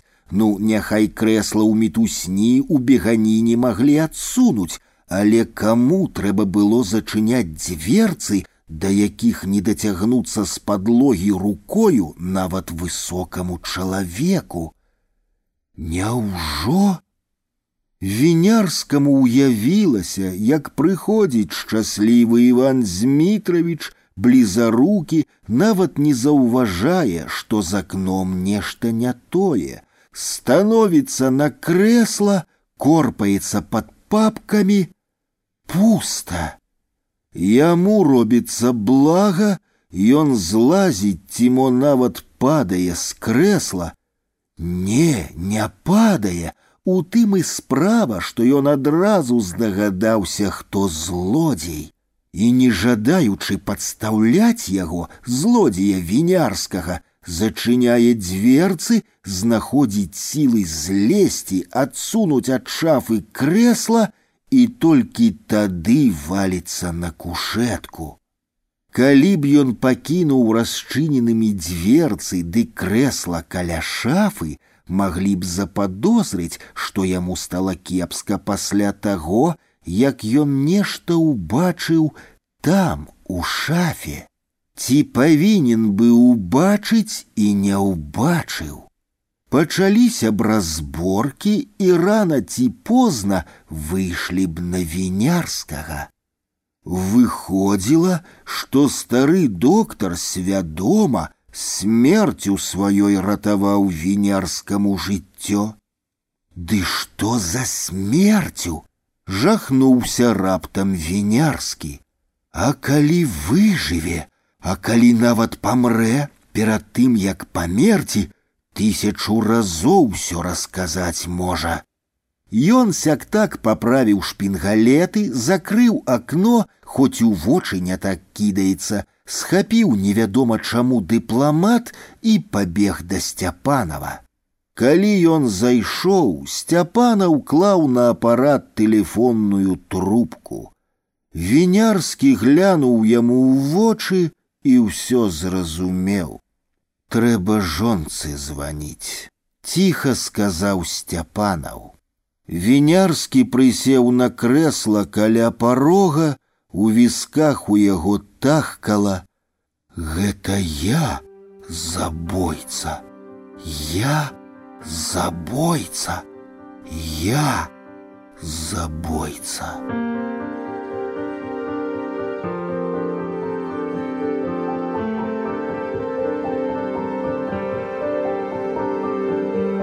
Андрей Федоренко Ланцух. Раздел сёмы.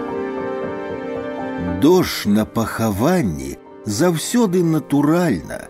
Прырода нібы сама смуткуе па нябожчыку, плача, шкадуе яго. Рэдкі дождь, нізкія цёмныя хмары, крыжы, помнікі, пах сырой могілкавай цвілі, высокія, мокрыя, строгія дрэвы, кроны якіх абляпілі чорныя вароны і зрэдку крычаць у тон ціхаму галашэнню. Усё гэта так падыходзіць да настрою людзей, што сабраліся разам, кінуўшы ўсе справы на самую важную ў жыцці, самую страшную цырымонію, назаўсёды закапаць у зямлю аднаго з іх. Зрэшты, людзей на пахаванне стэльмаха прыйшло нямнога. Дож, нібы разумеючы, што гэта на развітанне, шчодра крапіў труну, белы мёртвы твар чалавека ў труне цірусіўся на жоўты гліністы жвір каля ямкі, і жвір проста на вачах меншаў, асядаў і нібы сам прасіўся, каб яго хутчэй вярнулі дамоў сунули назад у яму. Стоячы вакол ямы, людзі пераміналіся, пацепвалі плячыма, кратком пазіралі на нізкае неба, на гадзіннікі, перашэптваліся. Якое дажджлівае лета! Труну, хоць труну трэба было ўзяць пад плёнку. Яму ўжо ўсё роўна. Не разумею, чаму нельга раскрыць парасон. На пахаванні розныя прыкметы, розныя рытуальныя дзеянні набываюць асаблівае значэнне. Нават самы зацяты які-небудзь нявернік міжволі пачынае сачыць за сабою і за іншымі і робіць тое, што ўсе. Сапраўды, ніхто не раскрываў парасон, хоць наўрад ці хто ведаў, можна гэта ці не быццам нейкая ланцуговая рэакцыя ўзнікла паміж людзьмі, і адзін глядзеў на другога, і кожны баяўся першы зрабіць нешта будзённае, жыццёвае, што магло б парушыць цырымонію, ніхто не курыў. Вінярскі стаяў па другі ад труны бок ямы, утуліўшы галаву ў плечы, схаваўшы руки ў кішэні курткі, под густой акацыяй, з якой яшчэ больш, чым з неба капала, і як і ўсе не раскрываў парасон, хацеў курыць, але не асмельваўся. Ён толькі ў думках хваліў сябе, што збіраючыся сюды у апошні момант замест свайго заўсёднага белага плашча надзеў шырокую скураную куртку.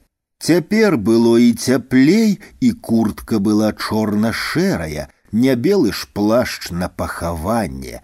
А самае галоўнае, куртка была прасторная і ўнізе на поясе сцягвалася, Таму пакунка з грашыма, што ляжаў за пазухай, зусім не было відаць, і руки былі вольныя. Вінярскі слухаў перашэптванні за спінаю, не зводзіў вачэй з жанчыны ў чорным, што стаяла каля труны, і як і ўсе жадаў, каб гэта хутчэй скончылася. Тады ён падыдзе да жанчыны, але пакуль трэба чакаць. Так атрымалася, што вінярскі, дажыўшы да 28 гадоў, ні разу не бачыў сапраўднага жывога пахавання. Гэты працэс ён уяўляў сабе з кніг альбо з фільмаў, часцей за ўсё з кінакамедый, дзе вывальвалася з рук труна, разбівалася і аказвалася, што ў труне быў не нябожчык. Альбо п'яныя музыкі замест жалобнага пачыналі раптам іграць вясёлы марш. Альбо ў апошні момант выяснялася, што хаваюць не таго, па кім плачуць удава і дзеці. Ён чамусьці нават не верыў, што ў сапраўдным жыцці каля труны бываюць прамовы з банальнымі словамі. Вось і пайшоў ад нас, галашэнні і развітанні, калі блізкія перад тым, як закрыць века, нагінаюцца і цалуюць нябожчыка ў лоб. Яму здавалася, што ўсё гэта адбываецца неяк прасцей, хутчэй, просто пастаяць трохі людзі каля труны, помаўчаць, закапаюць яе і разыдуцца.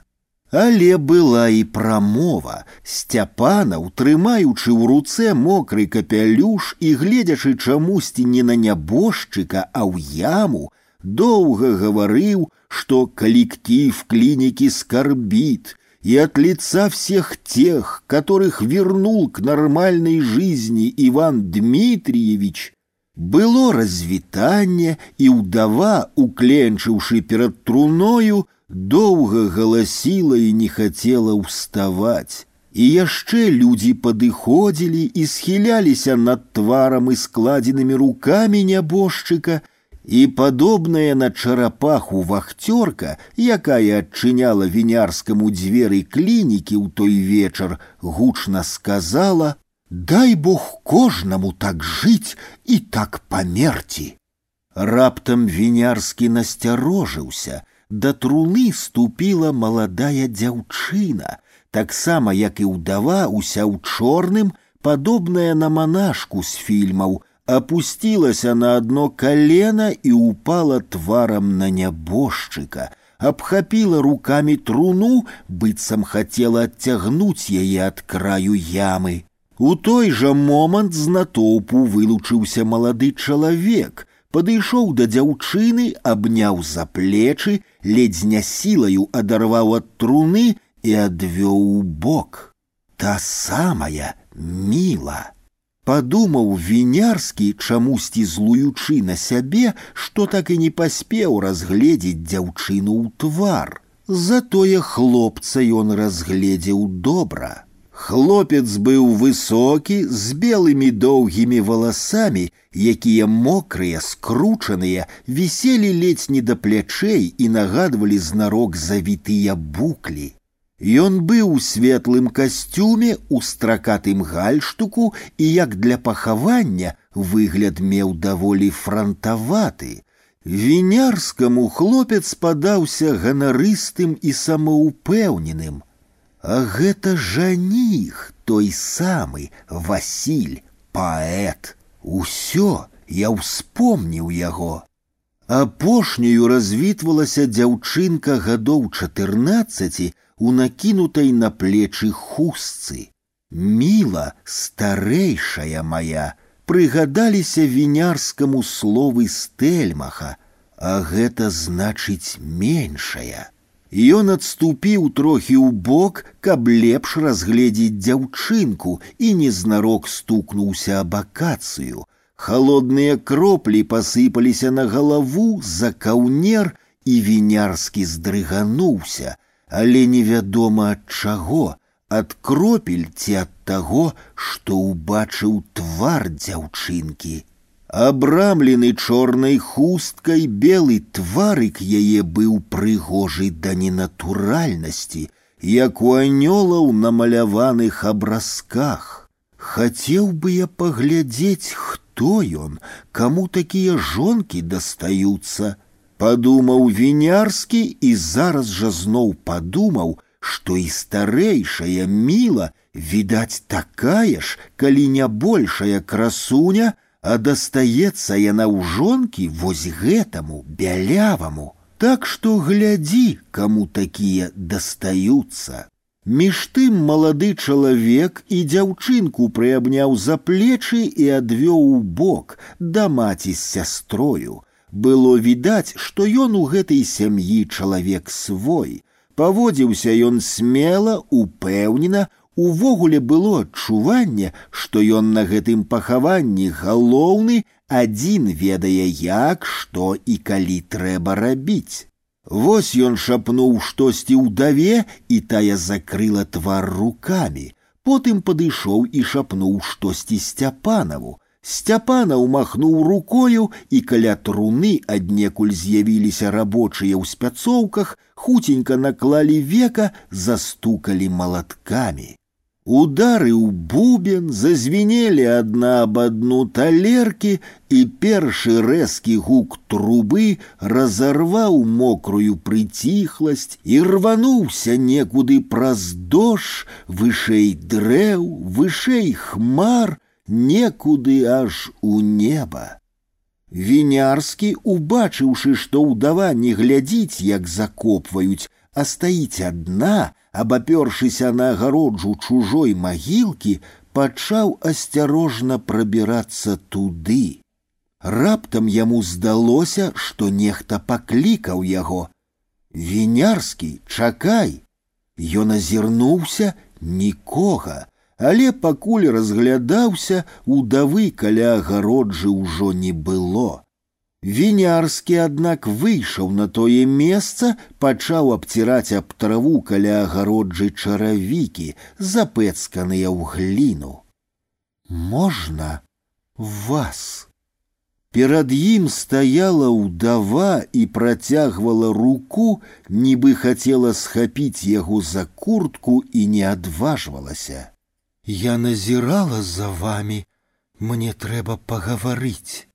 Яна дастала з рукава насоўку і доўга смаркалася, але калі зноў загаварыла, голас быў такі ж прастуджаны. Мне сказалі, вы працавалі з маім мужам. Так, адказаў вінярскі і, не вымаючы рук з кішэняў, правай прыціснуў да жывата пакунак. Я хачу вас папрасіць, Я вельмі прашу вас. Яна зноў пачала смаркацца, заплакала, выціраючы насоўкай слёзы. Я вас слухаю, супакойцеся. Можа, вам Ваня нешта паспеў сказаць перад смерцю. Супакойцеся, я вас слухаю. Другі раз прамармытаў вінярскі, быццам перад ім была адна з ягоных пацыентак. Мне шкада вашага мужа, я разумею вас, спачуваю, але мы не былі сябрамі з Іванам Змітравічам. Так выйшла. У яго былі свае праблемы, у мяне свае, мы мала гаварылі. Ён так цёпла згадваў вас. Вінярскі паціснуў плячыма, паказваючы, што і рад бы, ды памагчы не можа, і павярнуўся, каб ісці. Удава забегла наперад, схапіла яго за рукаў і нагнула блізка да свайго твару. Я прашу вас, малю на каленях, у вані былі грошы, много грошай. Ён не мог памерці, нікому не сказаўшы, дзе яны. Я б шукала кожны куточак вашага кабінета. Вы ведаеце, дзе грошы, я бачу па вас. На секунду вінярскі нібы акамянеў, нейкі голас крычаў у ім: « Аддай, зараз жа дастань пакунак і аддай. Ты ж і ўзяў яго сюды знарок, каб аддаць. Другі голас ціха, але неяк і больш уладна шаптаў: « Аддаць, як? Вось тут пры ўсіх дастаць і аддаць вар'яцтва, першае ж пытанне, адкуль у мяне гэтыя грошы, адкуль у цябе грошы чалавека, які вунь ляжыць у зямлі мёртвы. ці не звязаны ты з яго смерцю, і ці ўсе тут грошы, можа, аддаеш толькі частку адчэпнага.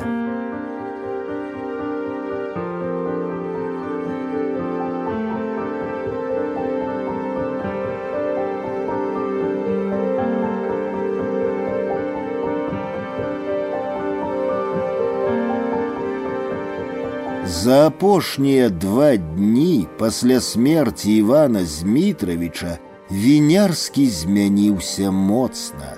Два дні і дзве бяссонныя ночы вымучылі яго. Гэта быў ужо не той вінярскі, упэўнены ў сабе эгаіст, які ганарыцца сваім эгаізмам і ставіць яго вышэй за ўсё на свеце.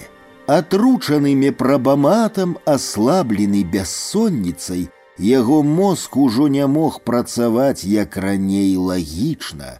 Вінярскі даходзіў да таго, што пераставаў пазнаваць самога сябе, не ведаў, што яму хочацца, што ён можа зрабіць праз хвіліну, не кажучы пра больш аддаленыя планы. Былі моманты, калі ён бяссоннай ноччу седзячы ў крэсле казаў сабе: Зараз пойду поп'ю воды. Уставаў, ішоў на кухню, але замест воды даставаў з халадзільніка кавалак сыру і еў яго. Ад таго, што ён перастаў пазнаваць сябе, вінярскаму было страшна, але найбольшы страх узнікаў тады, калі ён набліжаўся да дыпламата з грашыма, альбо калі нават проста думаў пра гэтыя даляры стэльмаха, калі пачынаў прыкідваць, што з імі рабіць, як лепш імі распарадзіцца. Ён разрэзаў нажоўкую дыпламат на часткі, выкінуў, але нічога не змянілася. Да пакунка з далярамі гэтаксама страшна было набліжацца і страшна было думаць пра іх мала-памалу ў ім выспела рашэнне. Рашэнне бязглуздае, ад грошай трэба пазбавіцца. Калі б яму тыдзень назад хтосьці сказаў, што ў яго будуць пачкі даляраў, а ён не знаць мне, што з імі рабіць, будзе шукаць спосабу пазбавіцца ад іх, Вінярскі параіў бы такому прароку пайсці палячыцца. Але чалавек часта не ведае самога сябе, і выходзіла, як раней вінярскаму было зразумела, што для таго, каб жыць, трэба любымі сродкамі здабываць больш грошай, так і цяпер ён яшчэ больш зразумеў, для таго, каб не звар'яцець, трэба пазбавіцца ад іх. І калі сёння пад раніцу ён зразумеў гэта, Яму ўпершыню за гэтыя двое сутак стала лёгка, як некалі ў дзяцінстве, і слёзы радасці пацяклі па шчоках. Хай слабасць, бесхарактарнасць, труслівасць, жыццё даражэй. Усё на відавоку, грошы ёсць, ляжаць, яны страшныя, жыцця няма. Падумаеш, як вяртаеш іх, выкідваеш, пазбаўляешся неяк ад іх. Ёсць жыццё, ёсць ранейшы, дужы, ганарысты, упэўнены ў сабе Яўген Вінярскі. І вось удава стаяла перад ім, і вочы яе малілі, крычалі, прасілі аддаць, але як аддаць? Усё гэта, пакуль скамянелы вінярскі стаяў і спалохана зверху ўніз глядзеў на жанчыну, на яе стаптаныя у гліне суконныя боцікі, пранеслася ў ім залічаныя секунды. Што вы? Вымучыў ён сябе, тузаючы рукою, каб вызваліцца. Што вы кажаце? Першы раз чую, мне трэба ісці, прабачце. Удава адпусціла рукаў. Калі так, зусім іншым голасам сказала яна. тады будзем спрабаваць інакш. І яшчэ нешта казала ўслед, але вінярскі ўжо не чуў. Праклінаючы сябе, ён хутка, не азірнуўшыся, пайшоў па цэнтральнай дарожцы да выхаду з могілак. На вуліцы ён прыхінуўся спінаю да мокрага бетоннага слупа, доўга прыкурваў адцырэлую цыгарету. Трэба ж было яшчэ локцем прытрымліваць пакунак за пазухай.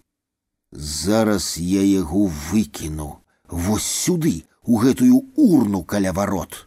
Поўны рашучасці ён сунуўся да сметніцы, як раптам убачыў, што па дарожцы да выхаду ідзе той самы малады чалавек у светлым касцюме з белымі валасамі буклямі, які быў галоўны на пахаванні. Што ж ты ўцёк вінярскі? вельмі развязна на беларускай мове сказаў малады чалавек падыходзячы я ж табе казаў пачакай дай закурыць вінярскі хуценька дастаў з кішэні цыгареты малады чалавек працягнуў руку і забраў увесь пачак калі просяць закурыць ніколі не тыркайся павучальна сказаў ён не даставай па адной у чужой кампаніі такія рэчы заўважаюцца. Дзякую, на. Ён закурыў і аддаў пачак. Тут вінярскі зусім усё ўспомніў. Недзе год назад сапраўды гэты белы ляжаў у чацвёртай палаце, здаецца, п'яны упаў з балкона, зламаў нагу, тое, што п'яны добра помніў вінярскі, бо былі нейкія замарочкі з выпіскай бальнічнай даведкі. Дык вось якога жаніха для сваёй дачкі знайшоў стэльмах.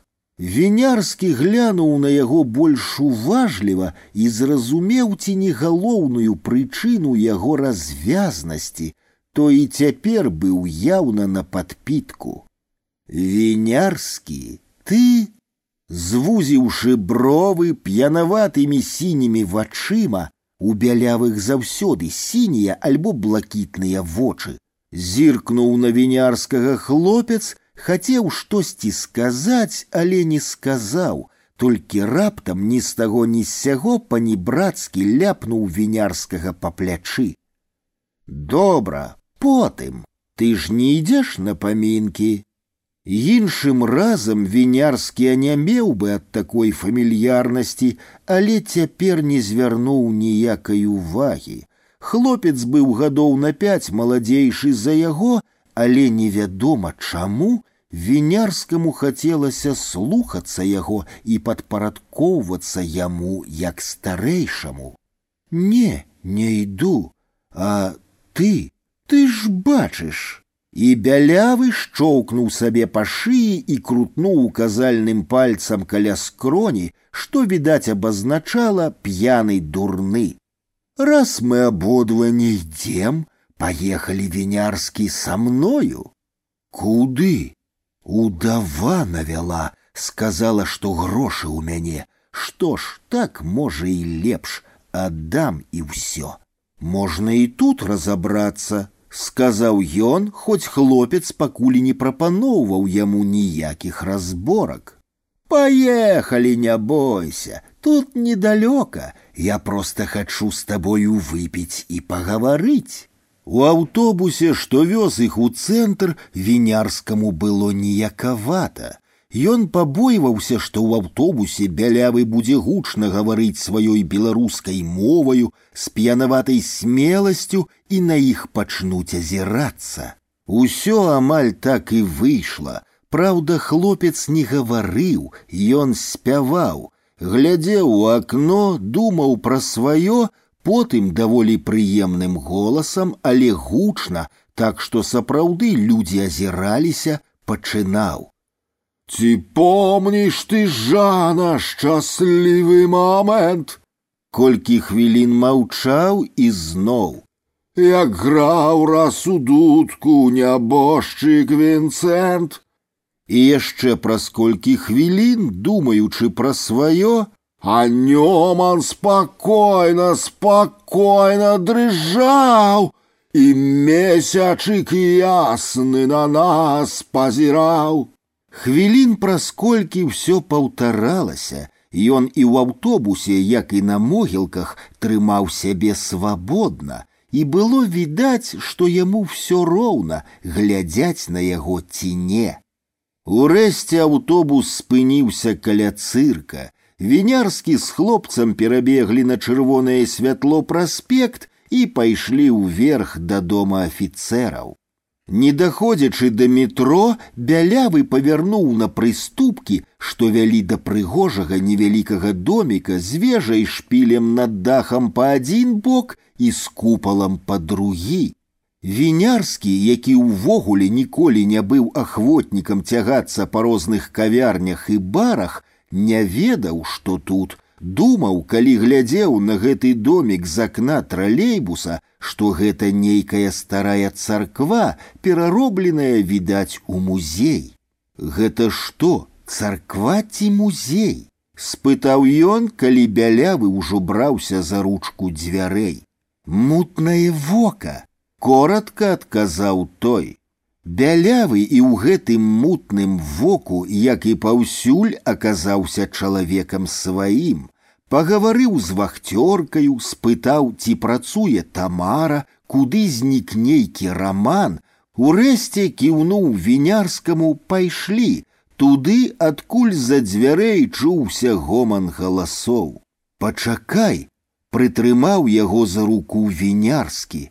Я доўга не буду, можна тут не скідаць куртку. Як хочаш, табе ж горш, тут душна, а тое, што свіснуць могуць, дык гэта запросто. У невялікай прадаўгаватай зале з маленькімі паўкруглымі акенцамі гарэла святло. Народу было шмат, некаторыя курылі, а гаварылі, здавалася, адразу ўсе, хто тут быў бялявы гаспадарскім вокам прабег па століках. Васіль! пачуўся з кутка радасны хрыплаваты голас. Сюды! З-за століка ў глухім кутку падняўся мужчына і шырока раскінуў руки, нібы падрыхтаваўся да абдымкаў. А, Сымон! сказаў бялявы, падышоў, але ў абдымкі не палез, просто падаў мужчыну руку. Вінярскаму нічога не заставалася, як падысці і зрабіць тое ж самае. Мужчына, моцна сціскаючы яго пальцы, пільна і строга гледзячы яму прама ў вочы, робячы пасля кожнага слова паўзы, з паважнай урачыстасцю назваў сваё імя, імя па бацьку і прозвішча. Вінярскі запомніў толькі імя Сымон, як і потым, згадваючы гэты дзіўны вечар, колькі не сіліўся, так і не змог успомніць ні прозвішча, ні імя па бацьку гэтага чалавека. Калі вінярскі прамаўчаў, мужчына, всё не выпускаючы яго рукі, дадаў: Празаік, паэт, крытык, магу эпіграмы і пародыі, член Союза письменников Республики Беларусь. Не хваліся, сказаў бялявы, які стаяў побач і пералічваў грошы. Не дачакаўшыся ад вінярскага ніякай рэакцыі, мужчына выпусціў яго з макрэлую далонь, сеў за столік і пакрыўджана сказаў: « Магу паказаць пасведчанне. Я веру, што вы Хутенька адказаў вінярскі. Яму было няёмка ад таго, што ён не змог нечым дагадзіць чалавеку. Бялявы пералічыў грошы, падняў вочы ў столь, падумаў і пабег да стойкі.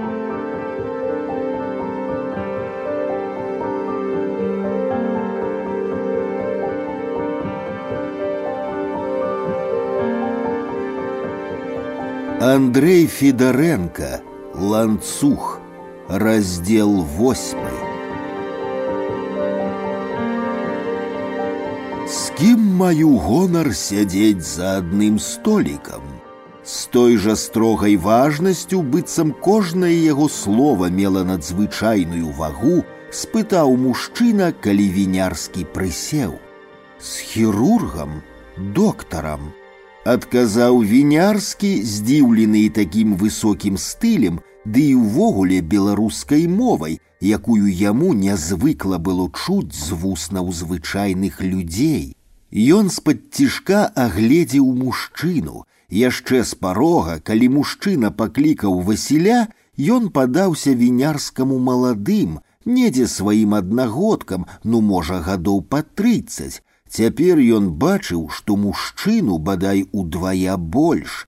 На ім быў паношаны касцюмчык, кашуля ў блакітны гарошак, расшпіленая на два верхнія гузікі, і шыя і худыя далоні з доўгімі пальцамі, у якіх Сымон круціў пустую шклянку, і круглы змаршчыністы беспечаны яблык твар былі пакрыты цёмна-бурым загарам, быццам стары толькі што вярнуўся з паўднёвых пляжаў. Што ж, прыемна, калі і медыцына далучаецца да такой важнай справы, як культурны адпачынак пажартаваў Сымон і шчоўкнуў пальцам па вострым загарэлым кадыку, акурат як Васіль нядаўна на могілках. На стале стаяла пустая шклянка і ляжаў акрайчык хлеба, а на сурвэцы шчопаць солі. Сымон перахапіў позірк вінярскага, уздыхнуў. Не ў пашане цяпер пісьменнікі, а калісь я гудзеў на адзін ганарар мог купіць паўмашыны або паўкватэры, а цяпер паўшклянкі вось гэтай гадасці. Ён падманіў вінярскага пальцам і калі той нагнуўся, прашаптаў яму вуха, дыхаючы гарэлкаю, паказваючы на бялявага, які каля стойкі гаварыў з барменам: « Васіль, во хто, Талент на мяжы з геніяльнасцю, во хто верне нашай роднай літаратуры, яе былую пашану і веліч, я хоць намнога старэйшы, але я яму самы блізкі сябар. Вінярскаму ўспомніўся нябожчык стэльмах, які таксама яго, маладзейшага за сябе, лічыў самым блізкім сябрам і на душы зрабілася неяк нудна, абыякава. Захацелася хутчэй аддаць бяляваму гэтыя грошы і сысці адсюль. Васіль між тым вярнуўся, паставіў на стол графін з гарэлкаю, талерку бутэрбродаў, пабег зноў, прынёс шклянкі, колу мінералку. Стары хуценька ухапіўся памагаць, разліў па шклянках гарэлку, расклаў перад кожным бутэрброд на сурвэцы. Вочы ў яго адразу ж засвяціліся. Прапаную тост, сказаў ён, высока падняўшы руку са шклянкаю з захапленнем гледзячы на Васіля. За будучы гонар нашай роднай літаратуры. Перастань, Васіль прафесійна выпіў, дастаў з пачкі цыгарету і закурыў. Цыгареты навучаны вінярскі адразу ж як сеў, выклаў перад сабою на стол.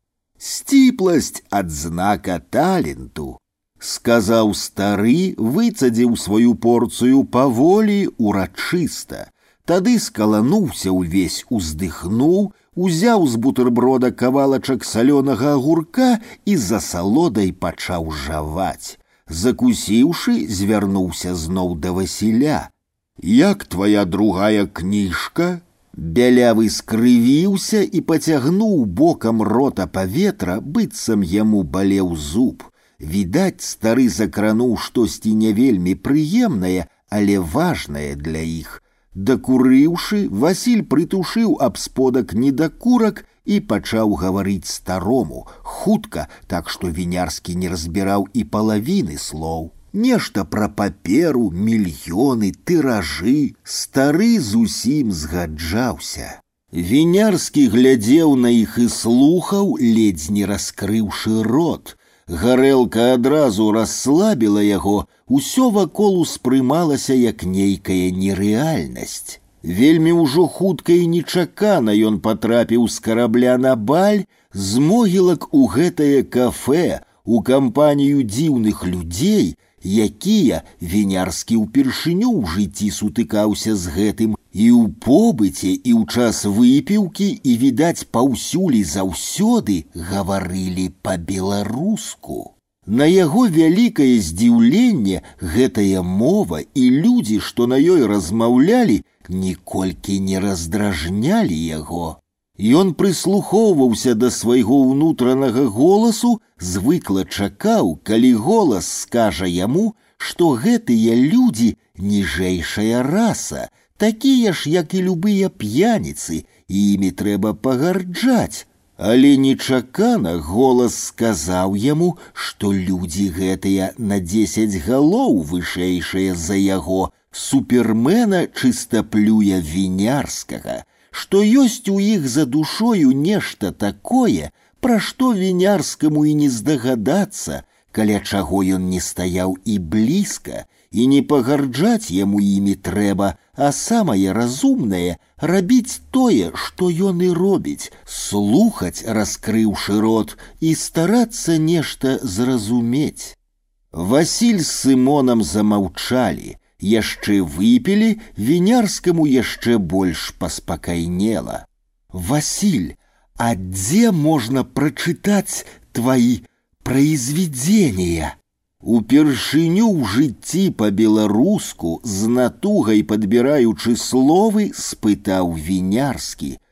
Ён не пазнаў свайго голасу, быццам нехта чужы спытаўся. Зайди ў любую кнігарню, стаіць кніжка. Неахвотна адказаў Васіль. Сымон хіхікнуў, але ў той жа момант сагнаў усмешку, сказаў з прытворным жалем, уздыхнуўшы: Народ не цэніць сваіх прарокаў, мала купляецца беларускіх кніжак. Дык ты ўспомніў мяне, Павярнуўся Васіль да вінярскага, гледзячы на яго сваімі дзявоча-сінімі п'янаватымі вачыма. Цяпер валасы ў яго абсохлі і ўжо не былі падобныя на буклі, а ляжалі акуратнай футбольнай прычоскай, зачасаныя з лба назад і з бакоў і з патыліцы падрэзаныя роўным гаршчком. Вінярскі кіўнуў, ён адчуў, што зараз пачнецца тое, для чаго бялявы яго сюды і прывёў. Сымон, відаць ад таго, што так захацелася Васілю, таксама адразу ж пераключыўся на вінярскага. Сябра твой, Васіль, спытаў ён тым строгім з паважным голасам, якім чамусьці лічыў патрэбным гаварыць кожны раз, калі звяртаўся да вінярскага. Сябра, блізкі, а ведаеш, Сымон, як мы пасябравалі. Далей бялявы расказваў толькі Сымону і знарок ні разу не глянуў на вінярскага. Год назад Сымон у мінску быў май месяц.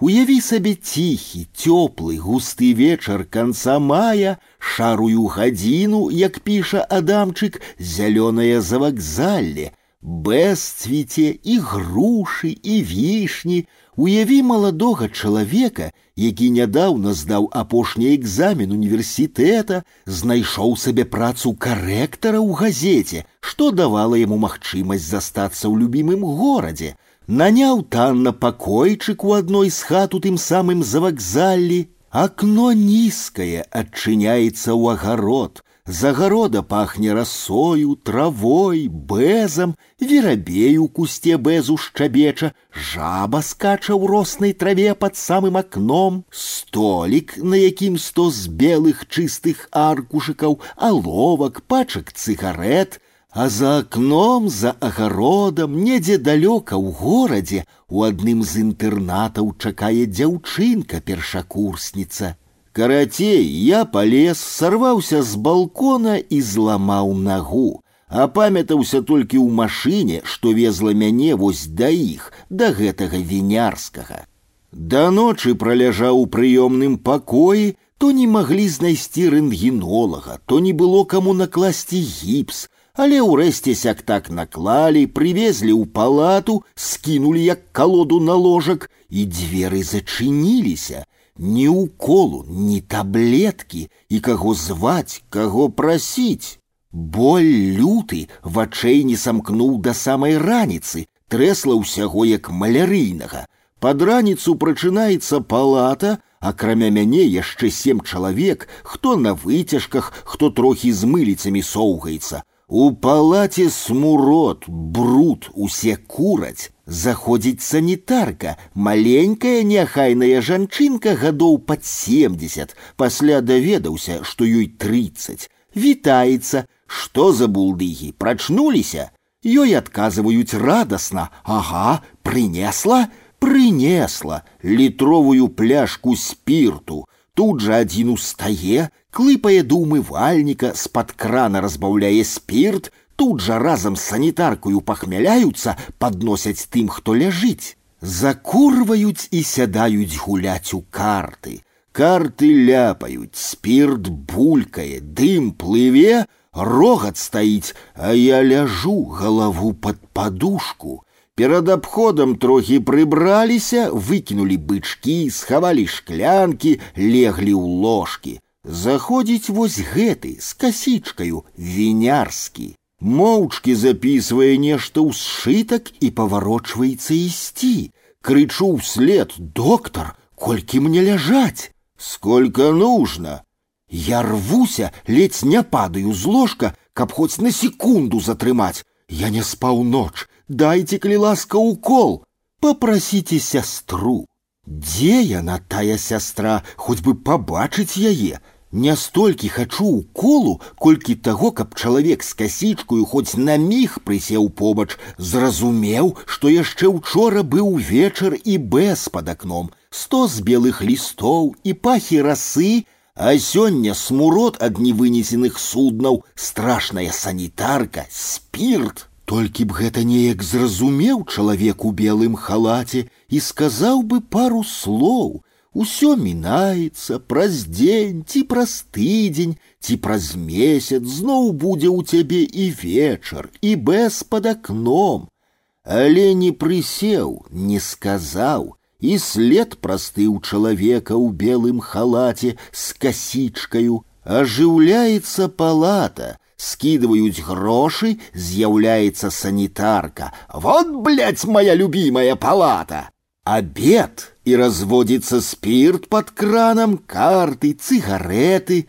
Увечары ўпершыню убачыў сястру, прыйшла рабіць мне укол. Злая, хамка, як і ўсе яны ў той клініцы, буркнула, больше уколов не будет. А як быть, я спать не могу. Ну и что? Пусть родственники приносят уколы. Скажите, а кто может судно вынести? У нас санитарок не хватает, приходят родственники и выносят. И кому сказать, что где взять гэтых родственников, коли их просто няма ў Мінску? Толькі прыплюснуў вочы, задрамаў на міг, бух прилетела мыліца, стукнула ў сцяну над головою. Крикнул голос «Нож! Нож схавай!» Валтузня, крыкі, нечага не падзялілі карцёжнікі, але вось супакоіліся, памірыліся, заспявалі песню, нехта ўпаў, загрымелі мыліцы. Другая бессонная ночь, другая раніца с санітаркою, пахмелкай спиртом, другі абход вінярскі з касічкаю у бялюткім халаце. Чаравікі блішчаць, малады, свежы, недаступны. Ізноў ледзь не кідаюся з ложка, бо ізноў вінярскі, ледзь спатыкнуўшыся на парог, паварочваецца сыходзіць, Прошу, доктор, позвоните на працу, скажите там, где я. Просьба разбивается об зачиненные дзверы. Мною пачынаюць цікавіцца, чаму з імі не п'ю. Подсаджваецца да мяне на ложак сусед, былы зэк, цяпер бомж, ляжыць тут паўгода. Адседзеў 15 гадоў за згвалтаванне і забойства, ножом забіў чалавека. Гэтая палата для яго відаць камера, і ён тут пахан. Гэта на яго учора крычалі схавай нож. Вось і нож ляжыць зверху на тумбачцы, шклянка разбаўленага спірту, прыкрытая лустачкай хлеба, стаіць побач каля ножа. Жыві не хачу. Будуць выпісваць, дык я сам сабе ўсе косці паламаю, кажа мой сусед. На чорта мне выпісвацца, што мне там на вуліцы рабіць, зноў турму сядаць. Вечар, карты, санітарка прывяла сяброўку, ціскаюць іх, качаюць па ложку, перакулілі судна, смурод. Вінярскі, вось мы з табою сядзім, выпіваем, звычайныя роўныя людзі. Вось цяпер скажы мне, Няўжо табе цяжка было даць мне таблетку дымедролу, пазваніць да мяне на працу, Няўжо гэта так цяжка. Вінярскі маўчаў, сядзеў як аглушаны. Усё, што гаварыў бялявы, была праўда, але вінярскі не чакаў, што гэтую праўду можна так падаць. Прабач, Васіль, ледзь выціснуў ён з сябе. Ды што, я адходлівы, усё перакіпела, а тады ратаваўся тым, што ляжаў і ўяўляў, як забіваю цябе, таплю ў прыбіральні, цагліную перабіваю табе нагу і кладу на сваё месца. Трохі памагала. Не ведаю, чым бы ўсё скончылася, пасля трох бяссонных начэй я быў на мяжы вар'яцтва. Вінярскі ўспомніў пра свае бяссонныя ночы і ўздрыгнуў калі б на маё шчасце не вярнуўся з адпачынку стэльмах, што ён убачыў у маіх вачах не ведаю, бо я не казаў ані слова, ляжаў да ўсяго атупелы, але мяне раптам перавялі ў палату на два месцы, прыбегла сястра, зрабіла укол, я праспаў цэлыя суткі, а тады пад вечар прыехалі хлопцы таксоўкаю і завеслі мяне дамоў. Гэта стэльма глянуў на запіс, зроблены ў прыёмным пакоі, даведаўся тэлефон рэдакцыі і пазваніў. Усяго толькі вінярскі, усе праблемы. Дома я помню хадзіць не мог, поўзаў па падлозе як дзіця, але ніколі ў жыцці, здаецца, не быў больш шчаслівы, чым калі вырваўся ад вас. Скажы вінярскі, зноў спытаў Васіль. Дык якія павінны быць дактары, Ды які б я не быў, п'яны, дурны, несімпатычны табе, Я ж перш за ўсё хворы, бездапаможны, аддаюся пад тваю ўладу. Ты ж даваў нейкую клятву гіпакрата, ды хоць зірні ты інакш, скажы хоць адно добрае слово аб надзей, гэта будзе ў сто разоў лепш за любыя лекі. Я магу зразумець жорсткасць наглядчыка ў турме, але жорсткасць нелюдзімасць урачоў вышэй усялякага разумення. Вашая клініка гэта ж зона, турма, у якой няшчасныя людзі мучаюцца, самі не ведаючы за што. А вы, наглядчики, спокойно ходите по улицах, глядите телевизоры, спокойно ядите, п'яте. Прабач, паўтарыў вінярскі, не падымаючы вачэй. Што ты апраўдвайся, я ж сказаў, перакіпела.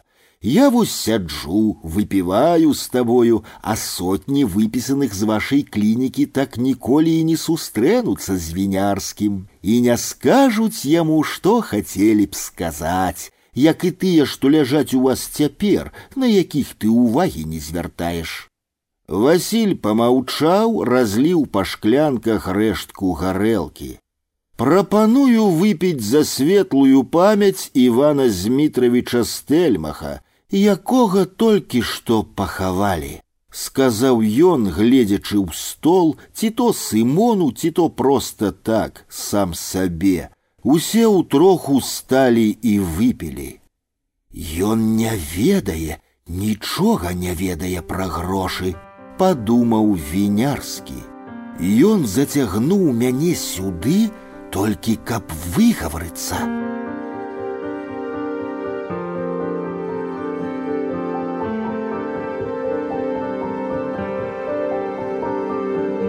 Андрей Федоренко, Ланцух, раздел 9. Живым трэба думаць пра жывое. Уздыхнуў Сымон і паглядзеў на пусты графін. Пасядзелі моўчкі, так заўсёды бывае, калі канчаецца першая пляшка і не клеіцца размова, але здаецца, што далёка не ўсё яшчэ сказана. Што ж, Васіль, паставіш другую? Нібы жартуючы спытаўся стары. Дасі грошы дык паставлю, прывык. І без таго буры загарэлы сымонаў твар яшчэ больш пачырванеў. Стары падхапіўся і крыкнуў на ўсю кавярню: « Сынок, упікаць мяне! Ты што ж думаеш, напісаў пару бяздарных апавяданняў, якіх ніхто не чытаў і стаў пісьменнікам, много на сябе бярэш. Васіль на здзіўленне вінярскага аніяк на гэта не адрэагаваў. Стары, нават не кіўнуўшы на развітанне, пайшоў да выхаду, але ў дзвярах спыніўся, пачаў аглядаць залю. Ад аднаго століка яго аклікнулі, ён ахвотна пайшоў туды, і хутка адтуль чуўся яго хрыплаваты пакрыўджаны голас. Відаць, скардзіўся. Васіль паглядзеў на свой гадзіннік, сказаў: « Пасядзі, я зараз.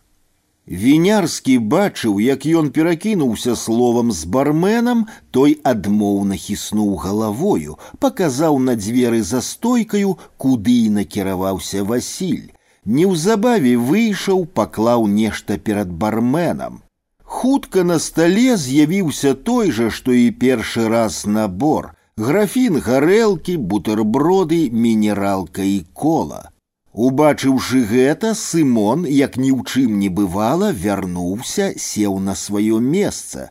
Васіль моўчкі разліў тры шклянкі.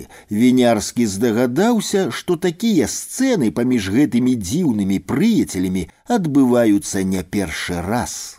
Не крыўдуй ты, Васіль, на старога прамармытаў Сымон, падняўшы шклянку.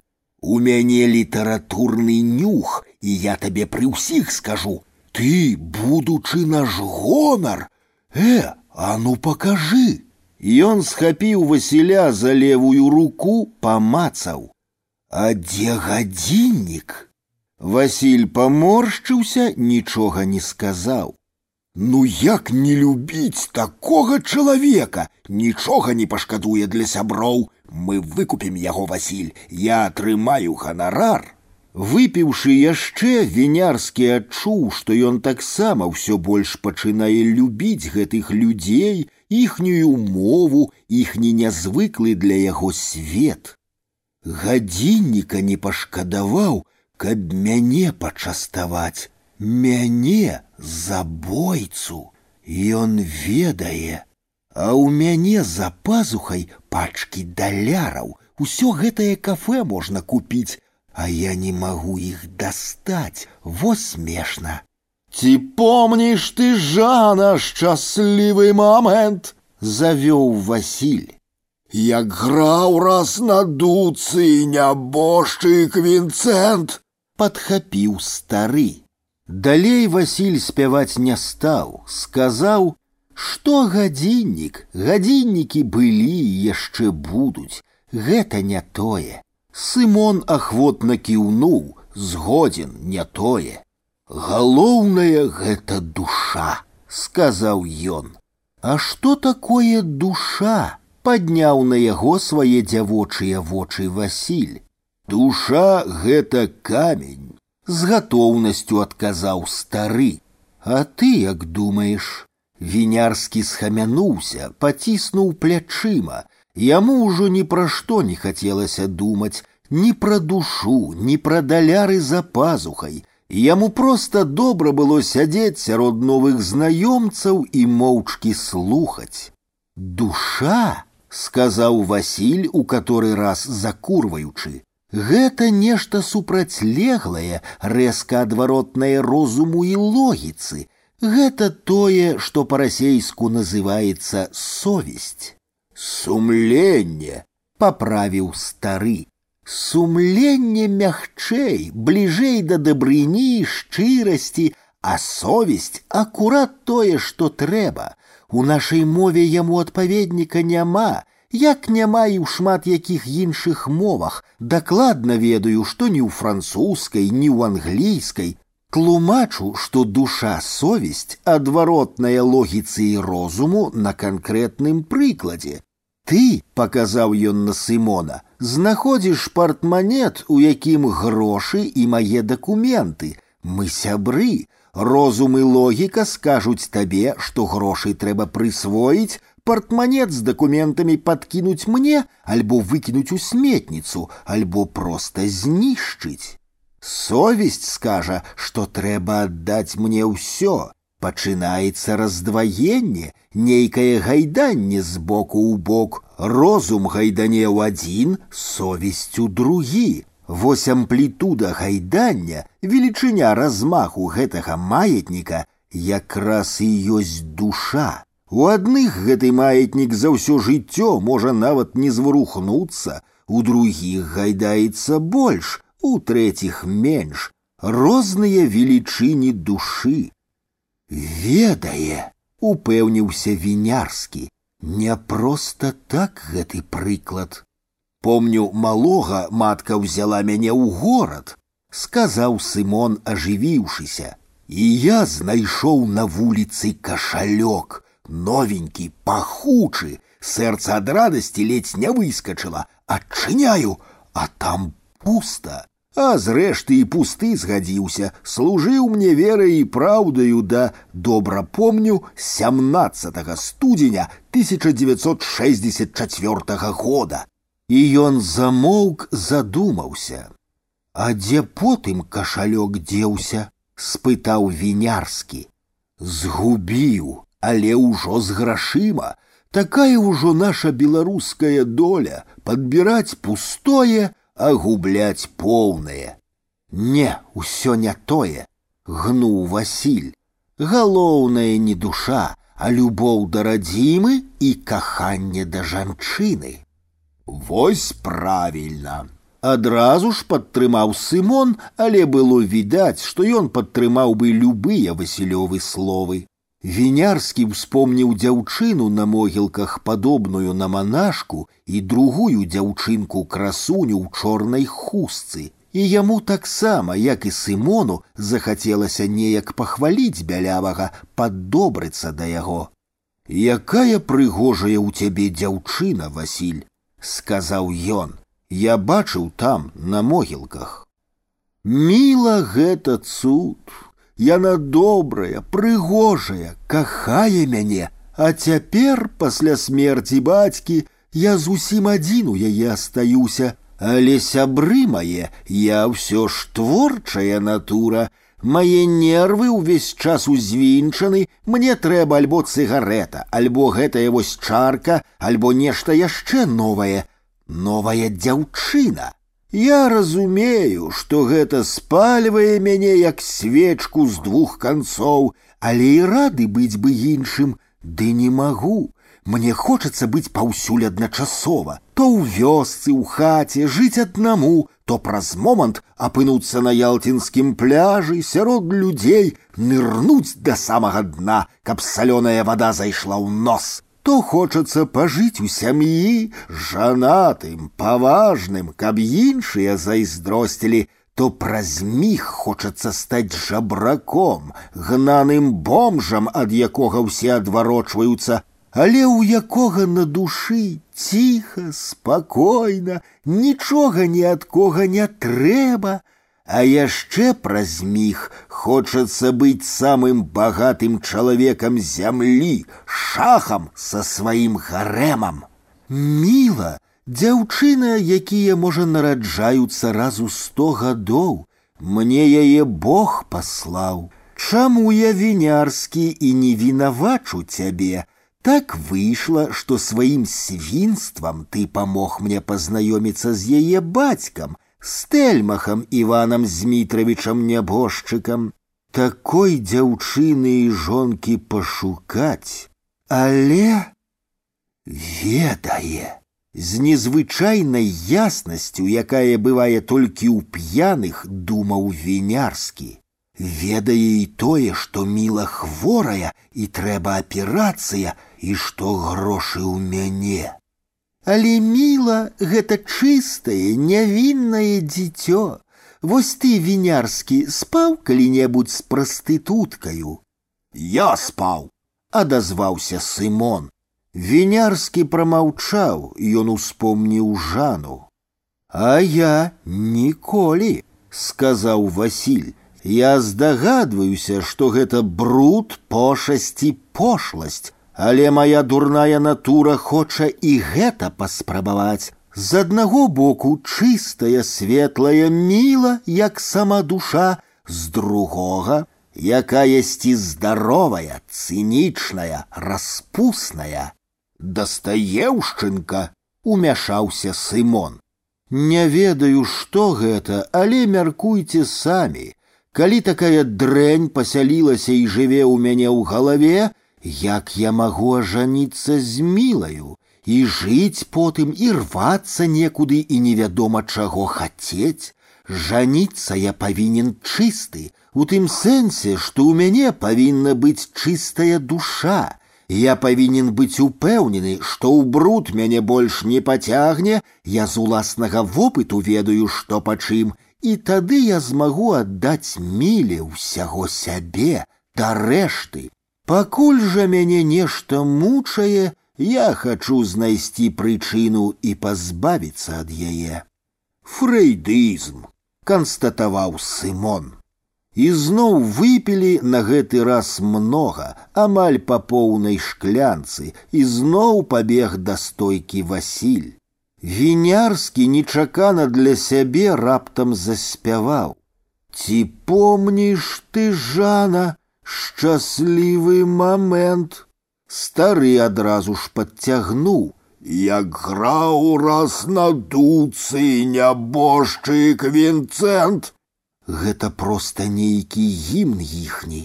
Ах, што за цікавыя людзі, як добра, лёгка з імі. Калі Васіль вярнуўся са звычайным сваім наборам, вінярскага ўжо зусім развезла, і ад таго, што вопыту такога, як у сваіх новых кампаньёнаў не меў і ад духаты, ён так і не здымаў куртку. Колькі яшчэ пілі і пра што гаварылі Васіль з сымонам, ён не ведаў, бо проста заснуў. Апамятаўся ён на вуліцы у прыцемках, Васіль, трымаючы яго пад пахі, саджаў машыну. Дзе ты жывеш? У вяснянцы, ледзь прагаварыў вінярскі. Ну і добра, па дарозе. Даехалі хутка, выбраліся з таксі каля нейкага пад'езда. Васіль паспрабаваў завесці вінярскага ў гэты пад'езд, вінярскі заўпарціўся. Я ведаю, куды ты мяне вядзеш упіраўся ён, але ўсё роўна люблю цябе, гадзіннік прапіў. Ты, будучы наш гонар, казаў ён сымонавымі словамі і чамусьці ніякіх іншых не мог падабраць. На! Дастаў і пачаў піхаць у руки Васілю пакунак з далярамі і адпусці мяне. Той узяў пакунак, плюнуў а чорт з табою не хочаш не трэба і пайшоў у пад'езд вінярскі пастаяў паазіраўся усе аднолькавыя вокны свяціліся было халаднавата так там кольцо там гастраном дык я недзе каля жанінага дома значыць мне туды Ён паплёўся на вуліцу і не паспеў выбрацца з-за дома, як ледзь не стукнуўся аб міліцэйскую волгу з мігалкаю. Машына стаяла за вуглом на тратуары, яго заўважылі, дзверцы адчыніліся. Хадзі сюды. Ён ступіў, стараючыся не хіснуцца, але відаць ад гэтага перабольшанага старання так хіснуўся, што ледзь не ўпаў. Что, поддал? Дай закурыть. Папрасілі ў машыне. Міліцыянеры заўсёды так робяць, каб праверыць, наколькі чалавек адэкватны. Вінярскі ляпнуў па кішэнях пуста, якія там цыгареты, усе скурылі ў кавярні, а мог бы аддаць пачак, як вучыў Васіль і адмазацца. Я з пахавання іду сказаў ён нібы просячыся замест таго каб сказаць што цыгарет няма ну і што заблудзіўся не дзе ты жывеш каля фінскай запраўкі Ён назваў дом і кватэру, але сам не быў упэўнены, што называе правільна. Добра, сядай. Ён пакорліва залез на задняе месца, волга развярнулася і паехала ў двары. Што вы пілі хоць? спытаў міліцыянер за рулём, і ў яго голасе вінярскаму пачулася зайздрасць. Гарэлку, адказаў ён, цверазеючы з кожнай хвілінай. Водку то есть. Ён сабе не паверыў, калі неўзабаве машына спынілася каля яго дома, доўга потым глядзеў у прахадны двор, куды высадзіўшы яго паехала волга затым няўмела перахрысціўся хто ведае што было б калі б не аддаў васілю даляры зусім ужо цвяроза падумаў ён У тую ноч вінярскі спаў як забіты і прачнуўся з яснай лёгкай галавою, радасны, дужы, адчуваючы ў сабе невядомую раней вольнасць, прачнуўшыся успомніў учарашні вечар, як перадаў Васілю грошы, як яго адпусцілі п'янага міліцыянеры і як пасля таго нібы камень зваліўся з душы. Быццам не ад даляраў пазбавіўся ад жывой гадзюкі ў пакунку, якую вымушаны быў насіць за пазухай.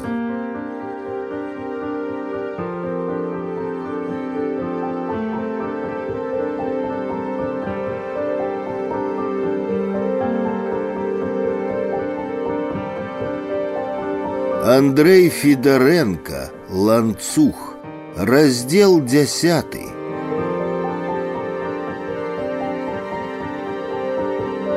Сюды ў вяснянку Васіль, які за два гады пасля універсітэта стаміўся цягацца па чужых людзях, перабраўся не так даўно і перабраўся з вялікай радасцю.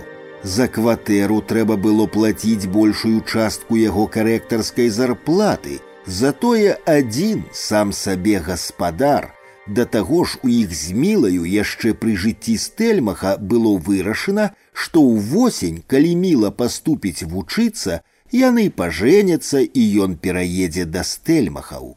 Цяпер пасля смерці Івана Змітравіча гэтая жаніцьба, вядома, на пэўны час адкладвалася. Кватэра была двухпакаёвая і Васіль плаціў за яе як за двухпакаёвую, хоць на самой справе адзін пакой быў зачынены на ключ, там захоўваліся рэчы і мэбля гаспадароў.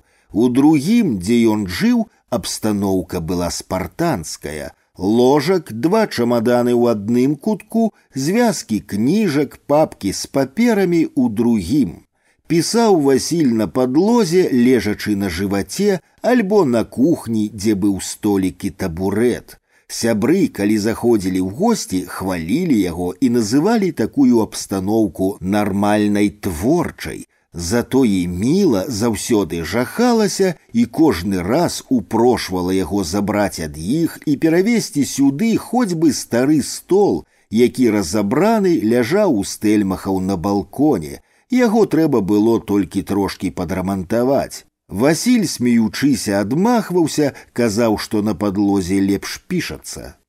На раніцу пасля пахавання стэльмаха і п'янкі ў кавярні Васіль ачомаўся як ад штуршка яшчэ ў прыцемках. Не было шасці, маўчала ўключанае радыё на кухні, і першае, што ён адчуў, быў боль галавы знаёмы невыносна нудны і разам з гэтым болем закруцілася ў галаве з рэальнай каляровай выпуклай яснасцю ўсё адразу Абяцанне міле быць разам з ёю ў гэтыя дні, яго бесталковая мітусня на могілках, як потым пацягнуў гэтага хірурга ў кавярню, як там балбатаў і піў, піў бы гарэлкі ў вочы не бачыў. І гэта замест таго, каб пасядзець ціхенька з людзьмі на памінках, суцешыць мілу. Ён застагнаў голас, зашыўся галавой пад падушку, паспрабаваў перабіць уяўленне ўчарашняга дня.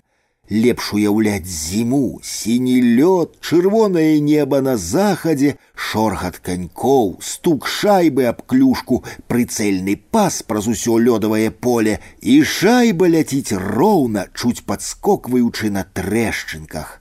Не, лепш хай лета, цупкі выган, Васіль лёгкі, малады, шчаслівы, у белай майцы з адзінацатым нумарам прабягае з мячом па самым краі поля, падае, але мяч так цудоўна кладзецца на нагу, і ён паспявае зрабіць апошні прыцэльны, салодка жаданы пас паміж двух абаронцаў туды на пустое месца перад самымі варотамі.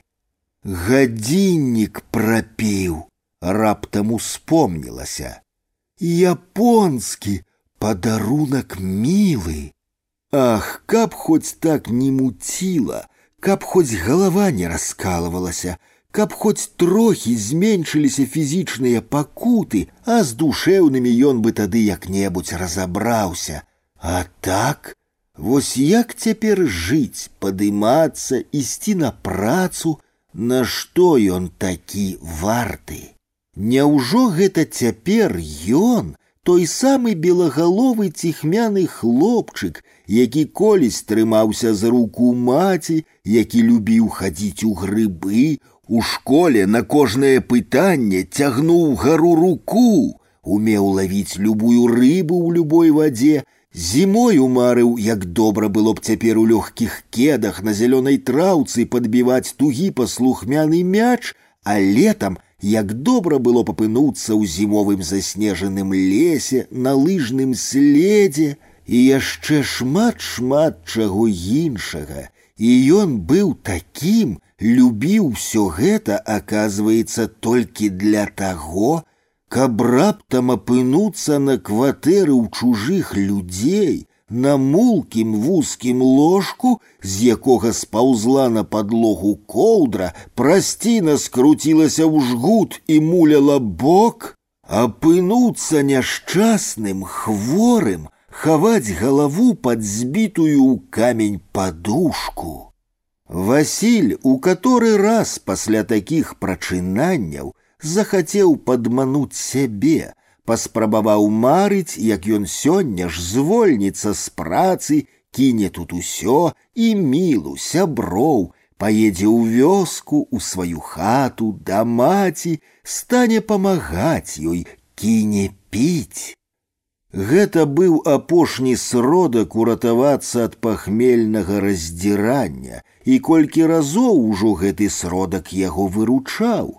Здаралася, ён сапраўды не ішоў на працу, ехаў на вакзал, купляў білет, які потым здаваў назад. Але часцей не даходзіла нават да білета. Пакуль стаяў у чарзе, паступова перахворваў, галава яснела, новыя думкі і пачуцці спачатку не смела, а потым усё больш настойліва пачыналі даказваць яму, што нікуды не трэба ехаць, што маці сама не будзе рада яго вяртанню, што ў вёсцы ён элементарна не знойдзе нават капеечнай працы, і яму не будзе за што купіць пачак цыгарет.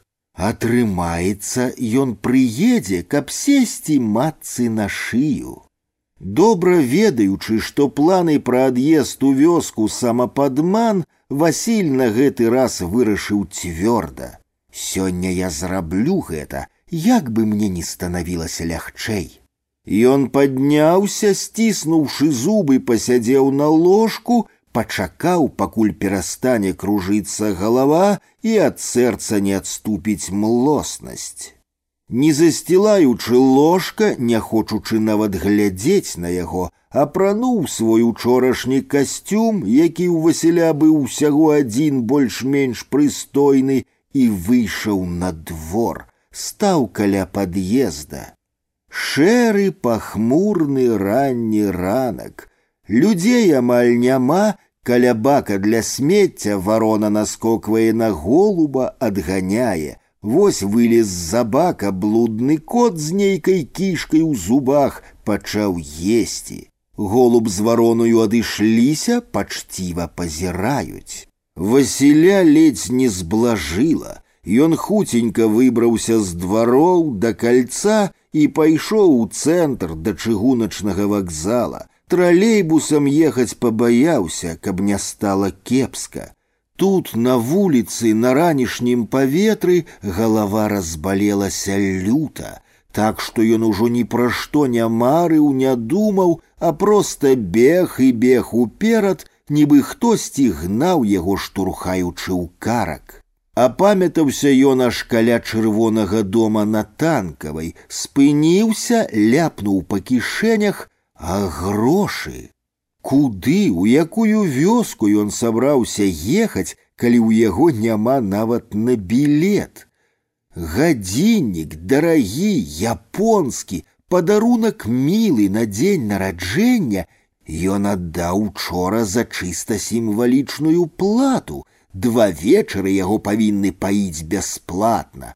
Чортаў дурань, творчая натура праклятая, захацеў пакрасавацца перад вінярскім.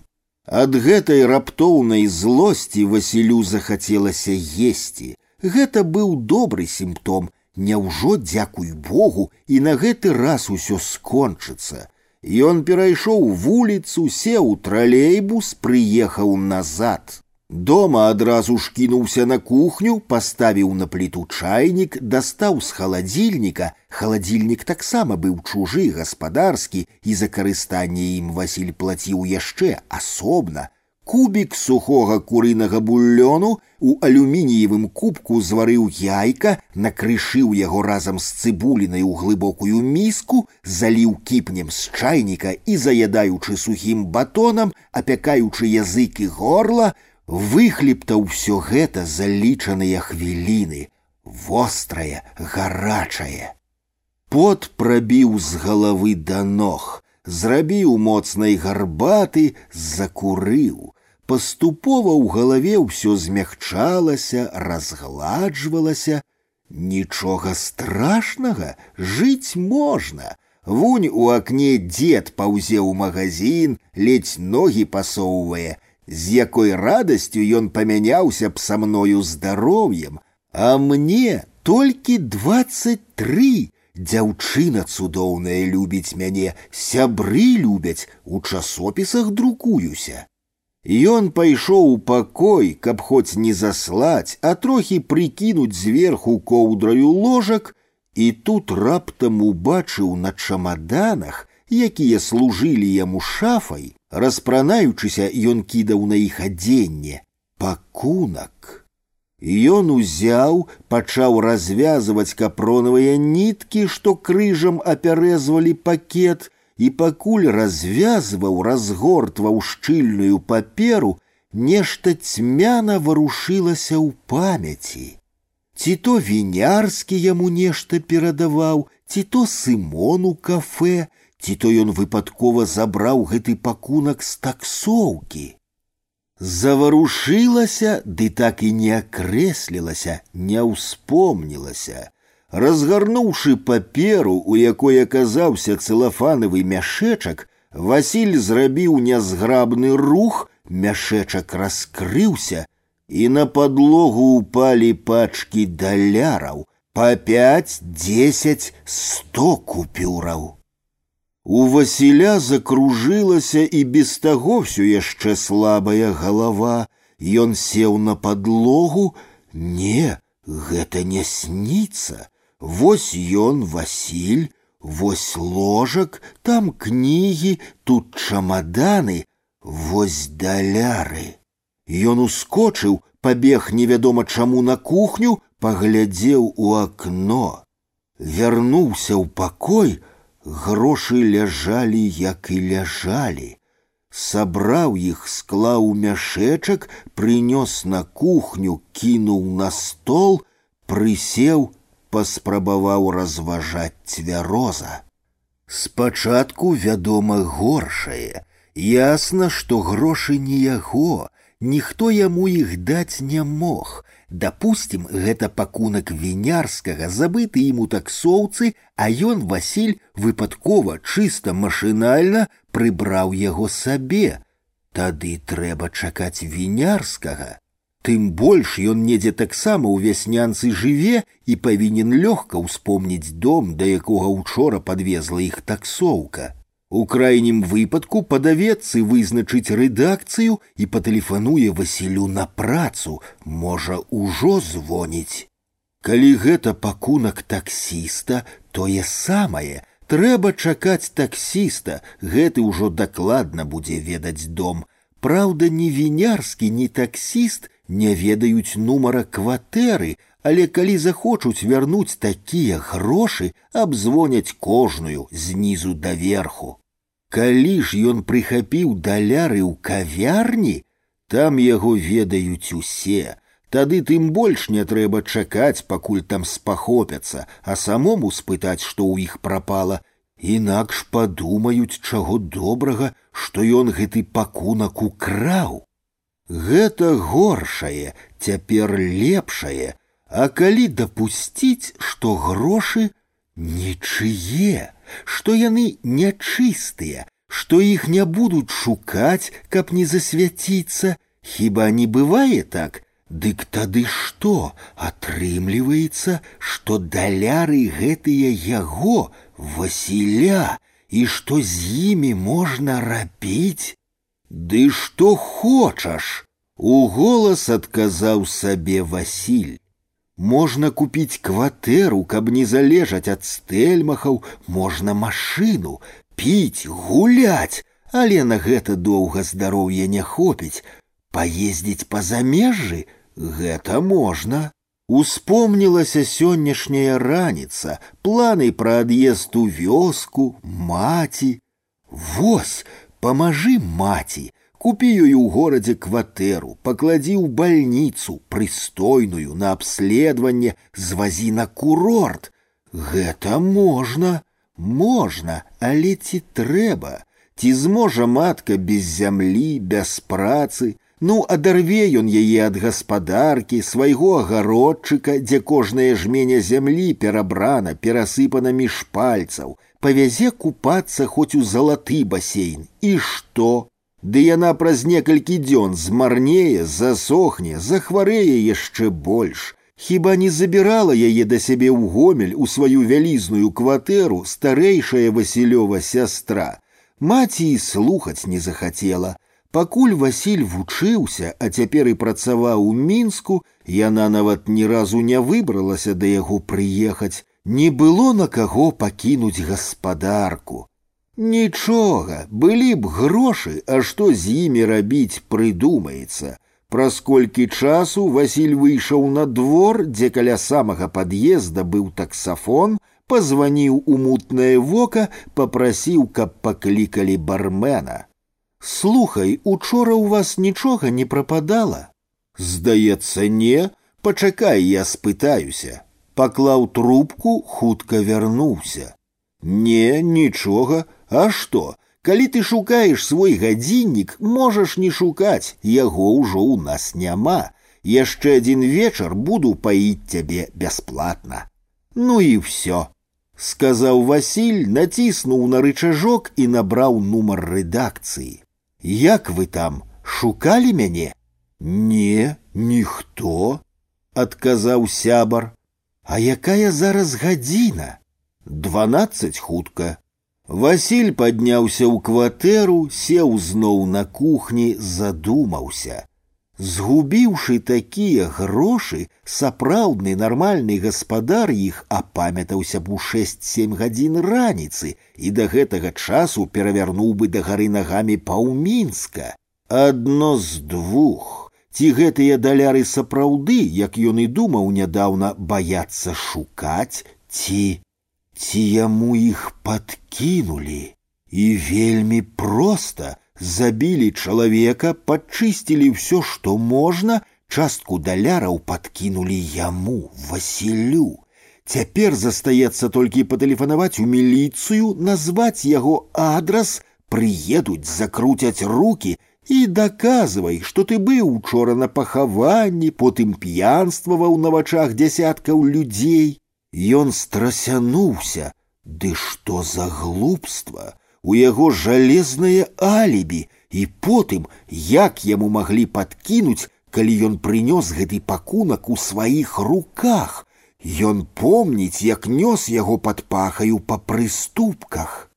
Тым не менш ад усіх гэтых разваг даляры неяк згубілі для Васіля нядаўнюю прыцягальнасць. Ад іх раптоўна павеяла нейкім неспакоем, няўтульнасцю. Нячыстыя яны і думаць няма чаго. Зробім так, падумаў Васіль і сам у сябе спытаў: Як?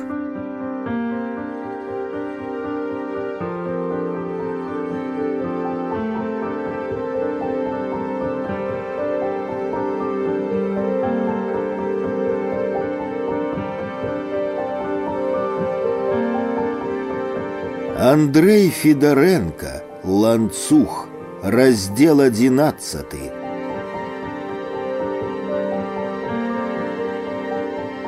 Васіль сядзеў на кухні, курыў, піў гарбату і глядзеў у акно.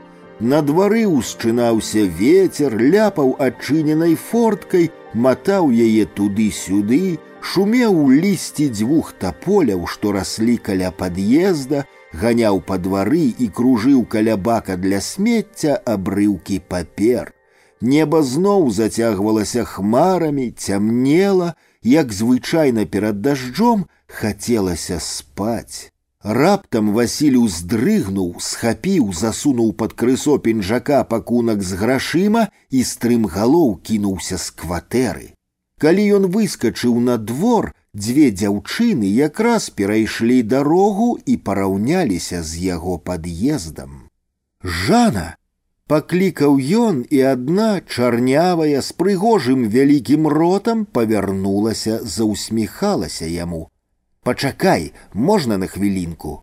Жана ахвотна падышла, сяброўка зусім маладая, падобная на школьніцу у лёгкай сукенацы, з якой забаўляўся ветер, то задзіраючы яе, то абляпляючы вакол ног, спынілася пачакаць.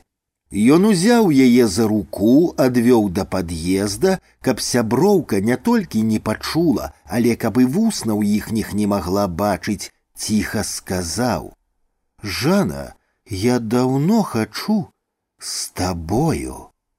Ну, мала хто хоча са мною. Пачакай, Ён прытрымаў яе сілаю. Глядзі, хуценька дастаў грошы усё забярэш. Што гэта? Прыжмурыла яна зеленаватыя вочы. Даляры, А колькі? Не ведаю. Яна азірнулася на сяброўку, сказала: « Заходзь, калі я буду адна, толькі дачакайся, чуеш, кватэру ведаеш? І яна назвала кватэру. Ён кіўнуў: « Ну, пакуль. Яна пабегла да сяброўкі, што пакорліва чакала, прытрымліваючы на каленях сукенку, надзьмутую ззаду ветрам як шар. Васіль яшчэ раз зірнуў ёй услед, каб запомніць гэтыя моцныя доўгія ногі. Падумаў, здрыгануўшыся, усё правільна, Вось тое, што варта любых багаццяў у свеце. Хто гэта? спытала сяброўка, калі яны адышліся. Так, журналіст адзін знаёмы. Журналіст, А што ён хацеў? Даляры прадае. Паколькі? зацікавілася сяброўка. Я сама разбяруся. Слухай, я вспомнила, я не магу цяпер паехаць, пазней пад'еду. Сяброўка з яшчэ большай цікавасцю зірнула на яе, але прамаўчала. Я толькі куртку забяру, сказала яна. Падняліся ў кватэру, Жана жыла ў маленькай аднапакаёўцы з маці, якая была цяпер на працы. Яна працавала санітаркаю толькі не ў той клініцы, дзе давялося адмучыцца Васілю. Жана вынесла скураную куртачку, сяброўка адразу шапранула, сцепанула плячыма, саграваючыся, попрасіла: « Можна я хуценька вып'ю кавы? Ну, ідзі на кухню. Праз хвіліну забулькала кававарка і хутка сяброўка, грэючы аб кубак далоні, за салодаю цягнула духмяны напой. Жана закурыла. А што ў цябе з жэнькам вінярскім? Так, я яго не бачыла ўвесь апошні тыдзень і не званіла? Не. Жана хлусіла спакойна, як толькі жанчына можа хлусіць жанчыне. Калі ж напраўду яна званіла вінярскаму кожны дзень раз нават уночы, але нехта падымаў трубку і адразу ж клаў назад. Жана думала, што гэта была Яўгенава маці, настаўніца, якая яшчэ са школы не любіла сваю гультаяватую вострую на язык распусную вучаніцу. З-за гэтага Жана не магла да вінярскага заходзіць. Сяброўка дапіла каву і выйшла, і Жана ўздыхнула з палёгкаю, памыла кубачак, села і пачала чакаць. Найперш глянуць ці не фальшывыя, подумала яна. Калі не, няўжо такія аслы яшчэ жывуць на свеце. Хоць што, журналіст, а журналісты ўсе прытыраныя. На міг яна пашкадавала, што згадзілася, нейкае нядобрае прадчуванне не пакідала яе. Што яна ведае пра яго, акрамя таго, што журналіст і жыве блізка. Пазнаёміліся неяк у гастраноме, у яго не хапала грошай на выпіўку, ён прасіў прадаўшчыцу даць на павер. Жана ўжо выходзіла з магазина, як раптам пашкадавала яго, вярнулася і даплаціла колькі трэба. На другі дзень бялявы падпільнаваў яе і аддаў. Прайшліся побач, перакінуліся парай слоў, ён сказаў, што працуе ў рэдакцыі. Імя не запомніла, затое добра запомнілася, якой пажадаю гарэлі ў яго вочы, калі ён пазіраў на яе ногі. Жане гэта спадабалася. Прыгадала яна той позірк і цяпер адмахнулася, чорт з ім. Галоўнае, каб даляры былі не фальшывыя, Але калі і атрымаецца з усім гэтым пралёт, падкладзецца свіння, Бог з ім, мала з кім яна спала, спіць і будзе спаць. А гэты не самы горшы. Між тым сяброўка далёка ад жанінага дома не адышла. Яна, азіраючыся, мінула пад'езд, каля якога перастрэў жану гэты падазроны журналіст, завярнула за вугал, Тады прахадным дваром вярнулася назад і зайшла ў гастраном, стала каля шырокага вітрыннага акна. Адсюль жанін пад'езд быў відаць як на далоні. Чакаць давялося нядоўга. Хутка паказаўся журналіст, зайшоў у пад'езд. Сяброўка пахваліла сябе за кемлівасць. Неўзабаве яна здымала трубку таго самага таксафона, з якога Васіль званіў у бар і да сябе ў рэдакцыю. Трохі павагалася, усё ж жана была ёй сяброўкаю, але ўздыхнула і пачала набіраць нумар. Мне здаецца, жанка падпольна прымае, сказала яна ў трубку. З журналістамі звязалася. А, ну добра, адказалі ёй прыязджай сама пачуўшы званок жана выйшла ў пярэднюю рашучая настроеная на злосці рэзкасць але убачыўшы рашучы васілёў твар моцна сцятыя вусны угледзеўшы ў яго вачах тую самую пажадлівасць якая не магла ёй не падабацца супакоілася прытыраны несумненна дай Адразу ж працягнула руку, забрала пакунак, вярнулася ў пакой. Нямецкая машынка пішчала як рацыя, даляраў было многа, яны былі сапраўдныя. Што за чорт? Добра, галоўнае, пакуль яны ў маіх руках, а там я ўжо змагу разабрацца. Ну ж і придурак. Яна выйшла да Васіля ласкавая, марудлівая, паманіла пальцам у пакой. Ну, распранай мяне. І абняла за галаву, калі ён апусціўся на калені перад ёю. Менш чым праз гадзіну Васіль выходзіў ад Жаны хістаючыся, лёгкі, пусты і нікому не патрэбны. Што гэта было і чаму было? Ён плюнуў, пастукаў сябе па галаве, якая адразу ж адазвалася цягучым пахмельным болем.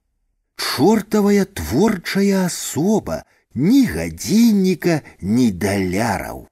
Каб хоць трохі супакоіцца, пачаў хадзіць узад уперад каля свайго пад'езда, не зважаючы на моцны ветер і пакуль рэдкія, але буйныя кроплі дажджу, хадзіў і думаў: А, як прыйшло, так і пайшло. А лепш было б, калі б гэтыя грошы сапраўды аказаліся нячыстыя, калі б мне іх падкінулі успомніў вавінарга, ніколі ў маладыя гады не будь сквапным ні ў якіх памерах, шчодрасць твая акупіцца табе тройчы.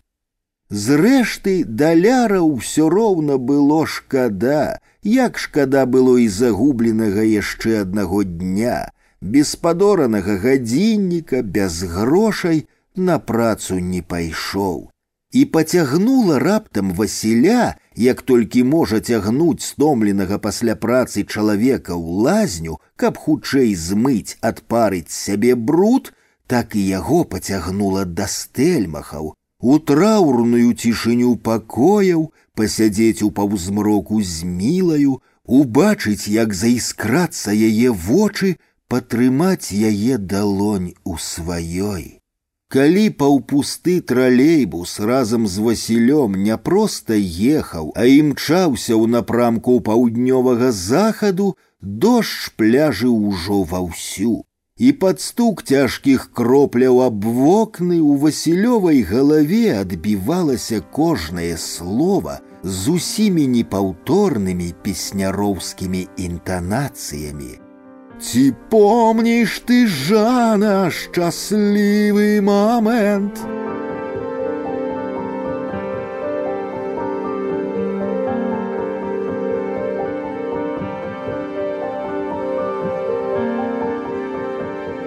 Андрей Федоренко, Ланцух, раздел 12. У адрозненне ад вінярскага і Васіля, якія не ведалі, як распарадзіцца сваім нечаканым багаццем, перад жанаю такога пытання не стаяла. Гэта былі яе грошы, яна іх не ўкрала, не знайшла, а сумленна, як магла і умела зарабіла. Жана даўно і добра ведала вінярскага, вучылася з ім у адной школе, была ўсяго на год маладзейшая, ведала яго думкі, чым ён жыве, і цяпер не паспелі зачыніцца дзверы за ненармальным журналістам, яна яшчэ раз пералічыла даляры і машынальна пералічваючы ўжо прыкідвала свой план.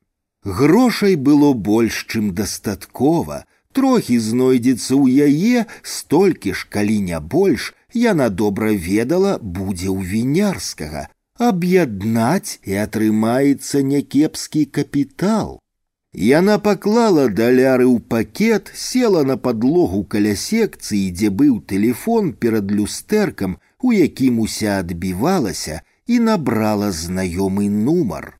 Набіраючы, адразу ж падрыхтавалася пакласці трубку, калі адкажа Яўгенава маці, але на яе шчасце на гэты раз азваўся сам вінярскі. Прывітанне, я хачу зайсці да цябе. Ты адзін? Адзін, але я выходжу мне сёння на дзяжурства ў ноч. Дзяжурства адмяняецца, засмяялася Жана. Усё, чакай, ідзе дождж, чаго так цёмна. Ідзе вялікі парасон возьми. Жана нейкі час глядзела на свой размыты прыцімкамі адбітак у люстэрку секцыі. Вось і ўсё. Няўжо ўсё, Няўжо ўсё канчаецца і хутка пачнецца зусім іншае, новае, светлае і радаснае жыццё, пра якое можна толькі марыць. Ведаючы прагнасць вінярскага да грошай можна не сумнявацца, ён адразу ж прыме яе прапанову. Прапанова будзе такая, каб ён з ёю ажаніўся, і тады можна з'язджаць разам за мяжу, як ён таго заўсёды хацеў, можна жыць і тут, на шырокую нагу. Не было ніякай боязі пераходу да гэтага новага жыцця, да новых умоў, але Жана прыслухоўвалася да сябе, да сваіх адчуванняў і раптам са здзіўленнем зразумела, што ёсць маленькая прычына, якая стрымлівае яе. І яна, замест таго, каб ляцець цяпер да вінярскага, сядзіць перад люстэркам і ўсё нечага марудзіць. Гэтай маленечкай прычынай было шкадаванне, што ёй давядзецца назаўсёды развітацца са сваім заняткам. Жана не лічыла свой занятак нечым заганным. Калі яна думала пра сябе, дык думала так, як было выведзена ў шматлікіх фільмах і кнігах пачатку перабудовы. Яна бедная ахвяра, безабаронная, якую Бог узнагародзіў прыгажосцю, розумам і пусціў у свет, каб быць нечай жонкаю, маці, любіць мужа, нараджаць дзяцей. Але якую ўласная слабая натура і сацыяльныя абставіны вымусілі прадаваць душу і цела, зацягнулі ў вір і няма каму яе з гэтага віру выцягнуць і самахоць выбрацца немагчыма. Любячы свой занятак і не лічачы яго заганным, Жанна і не здагадвалася, што на самай справе яна была проста ненармальная, што гэта пра такіх, як яна, амаль сто гадоў назад было сказано, Судовая і псіхіятрычная медыцына даўно ведае і гэты анёлападобны тып сярод прыроджаных прастытутак. Час ішоў, а яна па-ранейшаму сядзела на падлозе, глядзела ў люстэрка, думала, ёй ужо двадцать семь. Рана ці позна трэба будзе мяняць жыццё, колькі яна яшчэ зможа пратрымацца Пры такой канкурэнцыі поўна маладых, школьніц, студэнтак, якія прадаюцца за бясцэнак. Яе, як дарагую валютную прафесіяналку пакуль яшчэ трымаюць, знаходзяць кліентаў, але ўсё гэта да пары да часу. Яшчэ год два, і каму яна будзе трэба, хто з ёю будзе цацкацца. Вядома, вінярскаму яна не пара, нават і цяпер, калі яна яшчэ даволі маладая і прыгожая, ён можа знайсці і маладзейшую і галоўнае чыстую, але прагнасць яго да грошай павінна ўсё перамагчы. Усё няма чаго думаць. Выйшла на кухню, каб зачыніць фортку. На кухні было яшчэ цямней, чым у зале. Дождь сек па шыбах і барабаніў а падаконнік зачыніла і раптам так жыва ўявіўся сонечны дзень, як сіняе мора зліваецца з белым небам, высокія зялёныя кашлатыя пальмы па ўзберах, за пальмамі зараснікі стройнага маладога бамбуку, ветрась у моры, дельтаплану небе. Да таго гэта было здорава, што яна аж уздрыгнула ад захаплення. Да яе не адразу, а паступова толькі пачынала даходзіць, як жа ёй нечакана негадана пашэнціла. Пакуль дабегла да яўгенавага дома касы дождж, што налятаў разам з парывамі ветру, вымачыў яе ўсю не памог і парасон. У пярэдняй вянярскі зняў з яе мокры пухавік, раскрыты парасон панёс сушыцца на кухню. Жана затрымалася перад люстрам, раскідала па ілбе мокрыя валасы, знарок не стала прычэсвацца. Так ёй было больш да твару. Успомніла раптам журналіста, падумала, лухта ўсё, я сімпатычная, маладая і жаданая мужчынам, і яшчэ больш радасна зрабілася, скінула туфелькі, прашмыгнула ва ўтульны Яўгенаў пакой, дзе на часопісным століку свяцілася зялёная лямпа, упала ў крэсла, трымаючы на каленях пакет з грашыма. Вінярскі зайшоў, сеў насупраць, сказаў, нягледзячы на яе: « Ты пахарашэла, што так вочки гараць. За гэты тыдзень, пакуль яны не бачыліся, сам вінярскі пахудзеў, адпусціў тонкія вусікі, нешта азіяцкае з'явілася ў твары, чарнявы з касічкаю з вусамі. Але вочы былі нейкія іншыя, чым да якіх прывыкла жана. Нешта разгубленае, нават добрае было ў іх. Такім ён падабаўся ёй яшчэ больш.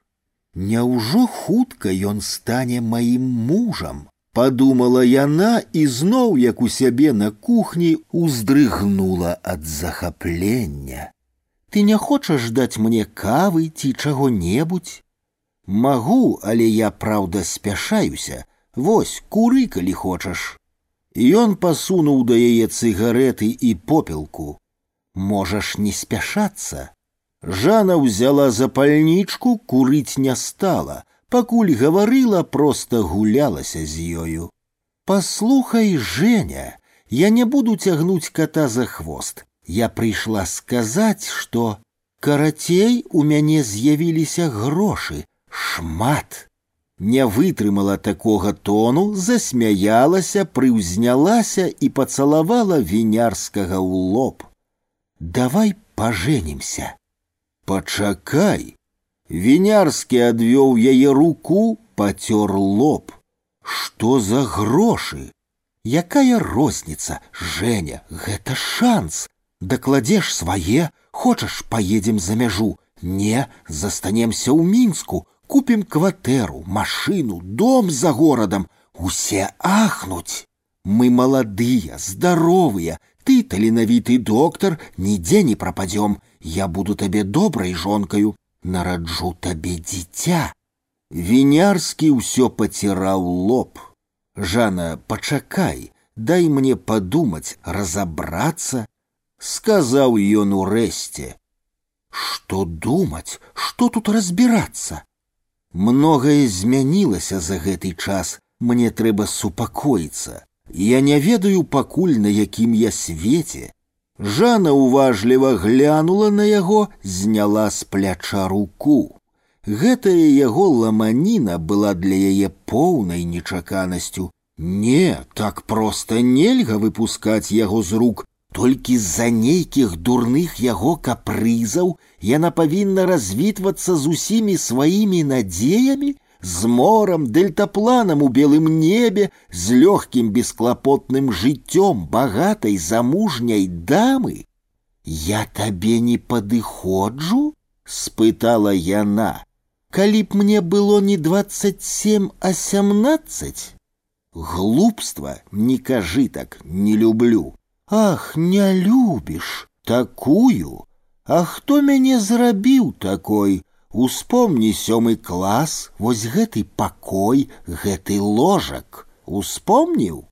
Жана сама не ведала, што гаварыла. Вінярскі не быў у яе першы, проста ёй заўсёды хацелася, каб так было, і яна выдумала для сябе гэтую легенду, што ён галоўны віноўнік яе падзення, выдумала і сама ў гэта верыла. Зрэшты вінярскі не пярэчыў, сядзеў прыгорбіўшыся. Жана прыпадняла яму за падбародак галаву, угледзелася ў вочы, попрасіла: « Женя, кінь дурыць, ты ж яшчэ не ведаеш, якой я буду. Можа, я буду лепшая за якую-небудзь чыстую. Гэта зусім не галоўнае. Тады что? Давай просто паспрабуем, і все у нас атрымаецца. Вось, толькі глянь.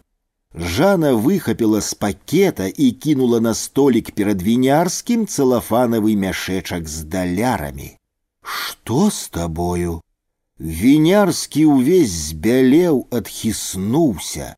Адкуль гэта ў цябе? Якая розніца? Зарабіла. Адкуль? Адкуль? Паўтараў вінярскі, не зводзячы з мяшэчка вачэй. Добра, надумайся, звані, сказала Жана, забіраючы грошы назад. З табою сёння сапраўды я бачу гаварыць без толку. Адышла да дзвярэй, у парозе павярнулася. Вінярскі нават не падняўся, каб правесці, так і сядзеў, утаропіўшыся ў тое месца, дзе нядаўна ляжалі грошы. Жана не стрымалася. Давай, едь на свое дзяжурства хутчэй. Толькі на вуліцы спахапілася, што забыла парасон, подняла галаву, працягнула перад сабой далонь. Дождж перастаў.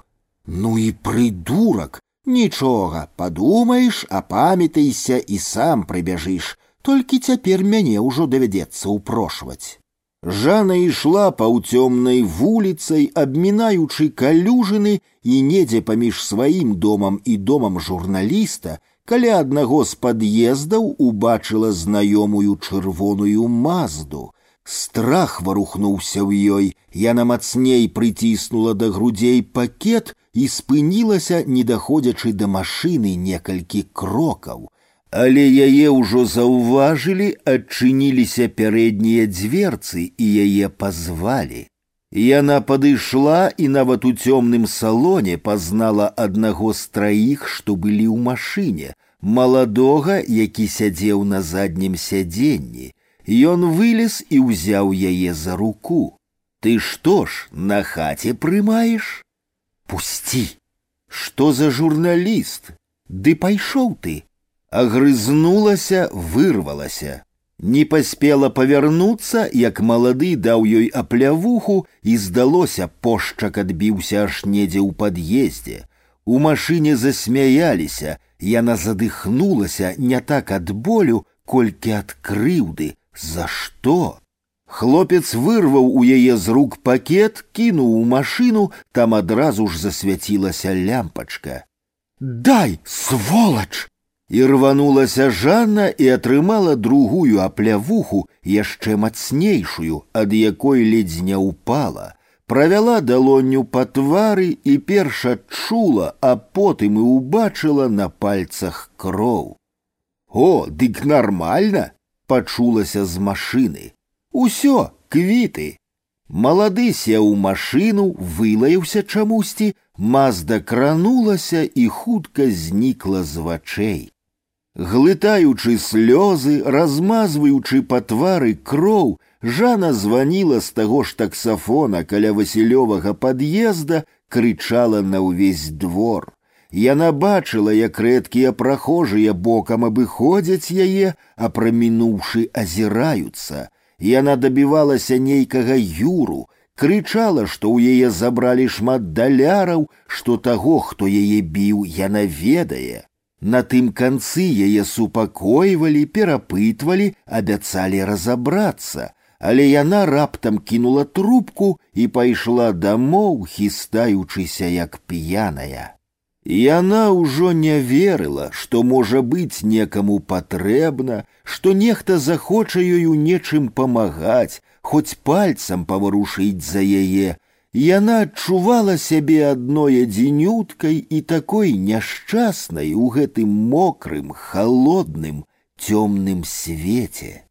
Але Жана памылялася, вядома, сама яна, як і яе праблемы мала каго цікавілі, але паміж групоўкаю, што апекавала жану і паміж тымі, хто здабываў з той жа жаны частку даніны, даўно рыхтавалася вайна, Тых, што адабралі ў яе грошы, трэба было паставіць на месца, і мы так да гэтага шмат чаго сыходзіла з рук, можна было збіраць даніну, а тым больш з прастытутак, якія прымалі на хаце, як зрабіла жана, але не трэба было зарывацца. Шукалася толькі прычына, і яна была знойдзена.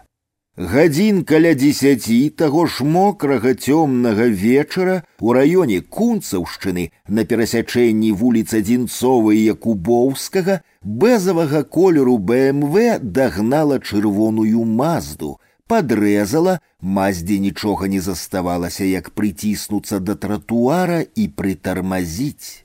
Разборкі былі доўгія, з адной машыны перасядалі ў другую, потым наадварот, Галасы то прыціхалі, то зрываліся на крык, з прачыненых дверцаў мазды струменіўся цыгаретны дым, быццам машына ўсярэдзіне гарэла. Відаць, курылі ўсе адразу і не перастаючы. Затым адбылася кароткая сутычка, ускрыкнуў голас жаласліва, нібы прасіўся, і другі голас уладны, узбуджаны, спытаў: « Усё, яшчэ? Усё, адказаў нехта. Адразу ж разбегліся па машынах, і машыны з месца адна за адной і рванулі ў цэнтр.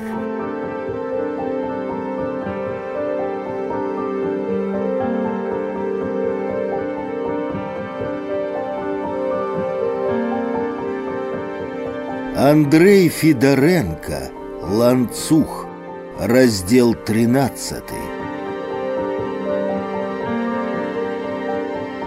Вінярскі хадзіў па калідорах, шукаў рэнтгенолага, якога, як правільна заўважыў Васіль у мутным воку, вечна не было.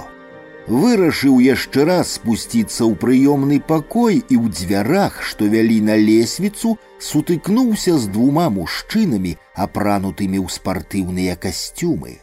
Дзе тут у вас хірург? спытаў адзін старэйшы з барадою, дакранаючыся пальцам да белага халата вінярскага. Я хірург, адказаў вінярскі. Барадаты ўзяў яго за локаць, запрашаючы ісці за сабою, і звёў вінярскага на некалькі прыступак уніз на лесвічны марш. Другі зусім малады хлопец таксама спусціўся следам і стаў побач з барадатым, чвякаючы жвачкай проста вінярскаму ў твар. Вінярскі апынуўся заціснутым у кутку. Ён глядзеў і не мог адарваць вачэй ад учэпістай сіняй ад татуіроўкі далоні, якая па-ранейшаму трымала яго за локаць. Слухай, выйдзі, сказаў барадач, глянь там аднаго ножом. У прыёмным ляжыць на вуліцы, у машыне не трэба прыёмнага. Барадаты дзяліў на часткі нават самыя простыя сказы. Глянеш, можна, хоць я сам траўматолог. Пачаў тлумачыць вінярскі, а яго ўжо не слухалі. Барадаты адпусціў яго локаць і пайшоў уніз да прыёмнага пакоя. Наступны павінен быў ісці вінярскі, а малады апошнім замыкаць. У нас хірург памёр нядаўна стэльмах, казаў вінярскі, даганяючы барадатага, той нават не павярнуў галавы. Можа пазваніць сцяпанаву загадчыку, азірнуўся вінярскі ўжо на маладога, але і той нічога не адказаў, толькі выдзьмуў з рота белы шарык жвачкі і забраў яго назад у рот. Выйшлі, сталі на ганку каля прыёмнага, барадаты некуды пабег, малады застаўся звінярскім. Неўзабаве да ганка падрулілі дзве машыны.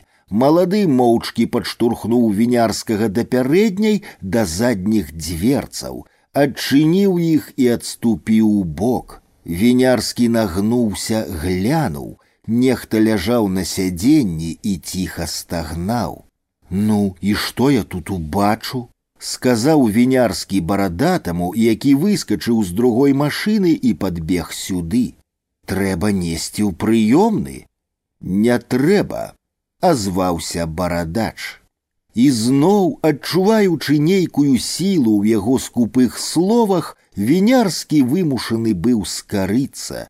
Ён бачыў, што з гэтага часу павінен рабіць не тое, што яму хочацца, а тое, што яму скажуць.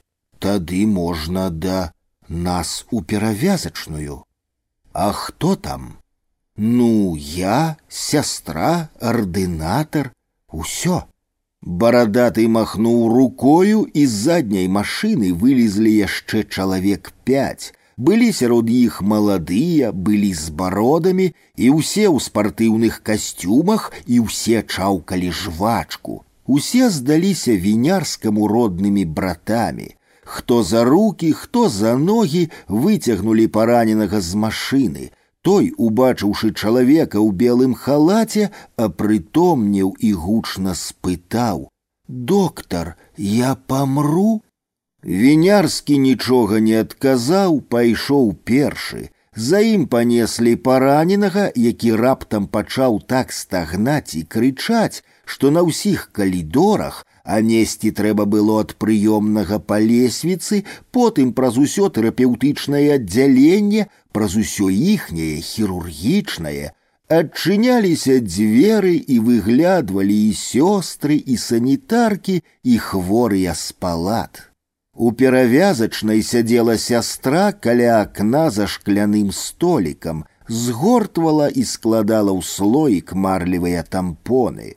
Параненага паклалі на стол, усе выйшлі, толькі малады з барадачом, якія, мабыць, былі прыстаўлены апекаваць вінярскага, засталіся. Ціхенька прыселі на кушетку каля парога. Вінярскі пакасіўся на іх, але прапанаваць і ім выйсці не асмеліўся, ды і быў упэўнены, што не выйдуць. Ён хутка спаласнуў руки, на хаду буркнуў сястры. Не стой, рыхтуй пінцэт, спирт, йод і набяры кубік навакаіну. Сам нацягнуў пальчаткі, узяў перш марлевую павязку для твару, потым скамечыў яе і запіхнуў кішэню халата. Гэта ж зноў трэба адрываць сястру, прасіць, каб завязала матускі на патыліцы. Нагнуўся над хлопцам, на тым зверху была толькі чырвоная майка з кароткімі рукавамі, вызваліў з-пад спартыўных штаноў ніз майкі, задраў яе ўверх. Рана, парэз даўжынёю сантыметраў пяць была ў жываце злева ад пупа. Патрошку вінярскі пачаў мацаць вакол раны. Хлопец, што быў заціх, калі апынуўся на стале пад святлом моцных лямпаў Цяпер зноў ажыў і пачаў стагнаць і дрыгацца ўсім целам ад кожнага дотыку. Доктор, доктор, ныў ён. Я ж не памру, праўда? Вінярскі маўчаў, каб не раздражняцца, абмыў, выцер змочаным у спірце тампонам кроў вакол раны зандзіраваць без наркозу пабаяўся, ды і так відаць было хлопцу моцна пашэнціла. Быў толькі парэз тлушчавай тканкі, з раны двума белымі шарыкамі, накшталт тых, што выдзімаў са сваёй жвачкі малады маўчун, выпіраліся кішкі, але яны былі цэлыя, не хапіла якога міліметра. Вінярскі зрабіў укол, пакуль чакаў, калі возьмецца замарозка, моцна захацеў курыць. Доктар, доктар! крычаў парэзаны. У гэтай клініцы вінярскі нагледзеўся ўсяго, але каб здаровы малады чалавек з даволі лёгкай у параўнанні з тым, што магло быць, калі былі зачэплены кішкі, ранаю так не ўмеў цярпець, так калаціўся, Такога яму яшчэ не даводзілася бачыць.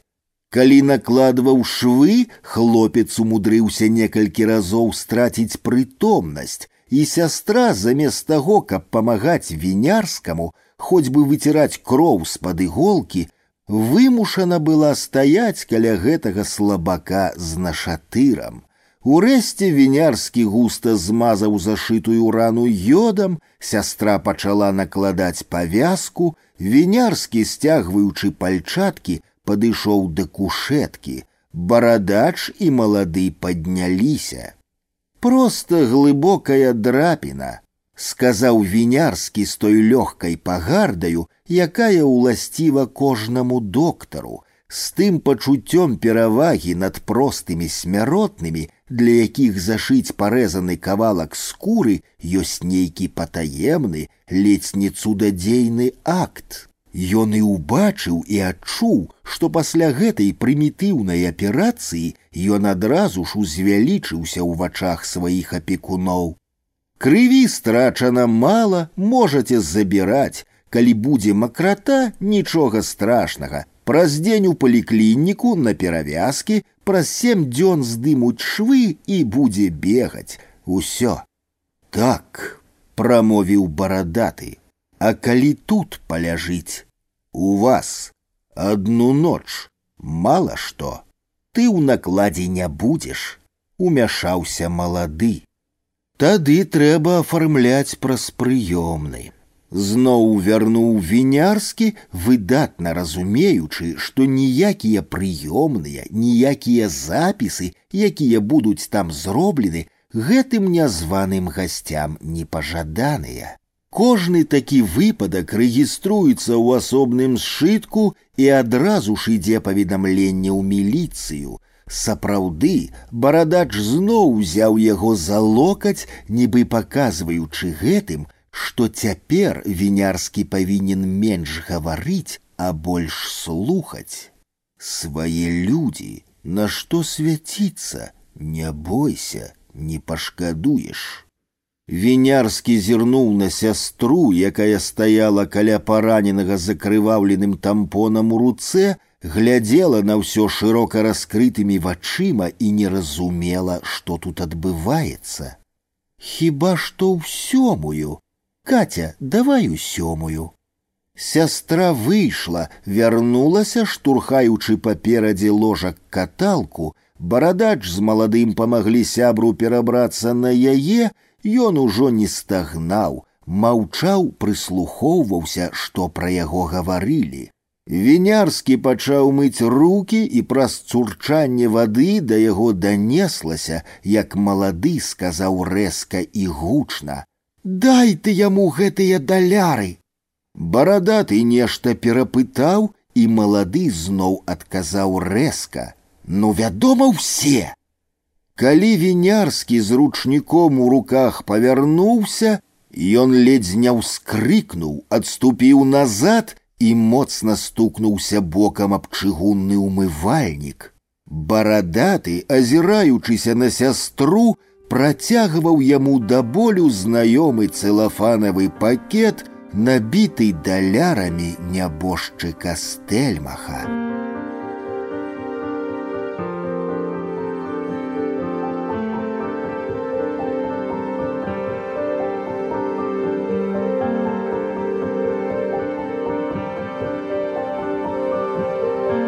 Андрей Федоренко, ланцуг раздел 14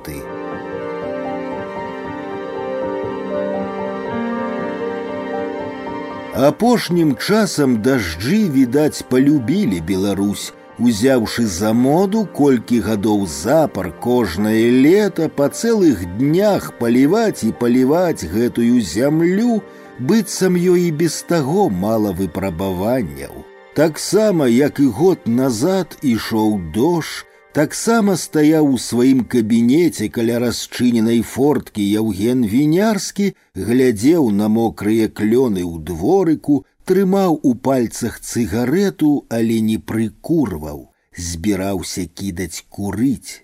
Вось толькі стэльмаха ўжо не было, за сталом Івана Змітравіча сядзеў малады хірург, асістэнт, і пазяхаючы разглядаў на святле лямпачкі рэнтгенаўскія здымкі.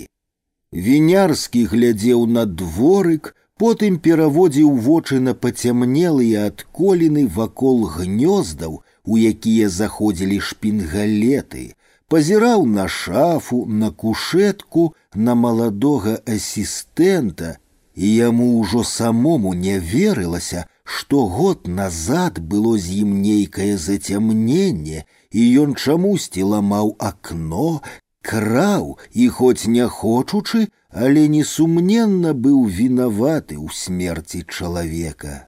Гісторыя, што здарылася з ім у тым годзе і так рэзка памяняла яго псіхалогію, думкі, жыццё, ужо здавалася яму чужою, бы вычатаную ў кнізе ці ўбачаную ў кінафільме. Ён ужо даўно выкінуў з галавы мары пра замежжа, грошы больш не копіць, днямі прападае ў клініцы. Яго хваляць, ходзяць чуткі, што сцяпанова, якому ў гэтым годзе на пенсію павінен замяніць ніхто іншы, як вінярскі. Але вядома, што найбольш яркія ўспаміны звычайна абуджаюцца ў чалавеку цыклічна, і патрэбна для гэтага абуджэння, як правільна сказана ў школьным падручніку па літаратуры, толькі адзінства часу абставін і месца дзеяння. Мокрыя клёны за акном, святло ў кабінеце, шум вады, сцякаючай у люк, холодная зморась, што залятала ў адчыненую фортку, усё гэта раптам так жвава нагадала вінярскаму мінулы год стэльмаха сябе. І чамусьці асабліва востра ўспомніўся той вечар, калі ён зашываў нажавы парэз і калі яму як узнагароду перадалі даляры.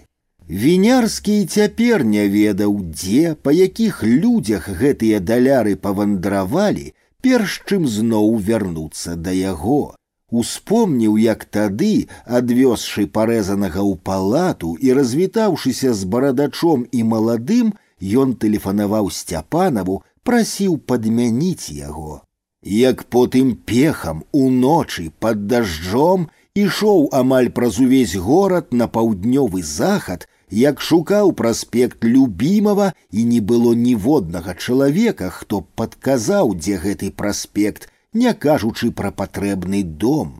Як ужо бадай пад раніцу знайшоў, доўга званіў і яму чамусьці не адчынялі, усё распытвалі праз дзверы, хто ды што, але ўрэшце ўдава стэльмаха адчыніла, і ён моўчкі працягнуў ёй пакунак, павярнуўся і пабег уніз па лесвіцы, не азіраючыся. Як потым глушыў памяць працаю, сілай прымушаў сябе забыцца, не думаць больш пра гэтую гісторыю, і ўдавалася не думаць, калі б яшчэ зрэд час гісторыя сама пра сябе не нагадвала. Недзе ў канцы вясны, калі ўжо добра пякло сонца, а на газонах паўз тратуары ўсё яшчэ не маглі растаць гурбы бруднага снегу, на праспекце Машэрава ён выпадкова сутыкнуўся з бялявым васілём. Прычым вінярскі нават не пазнаў яго, прайшоў бы моўчкі, каб Васіль сам не абазваўся.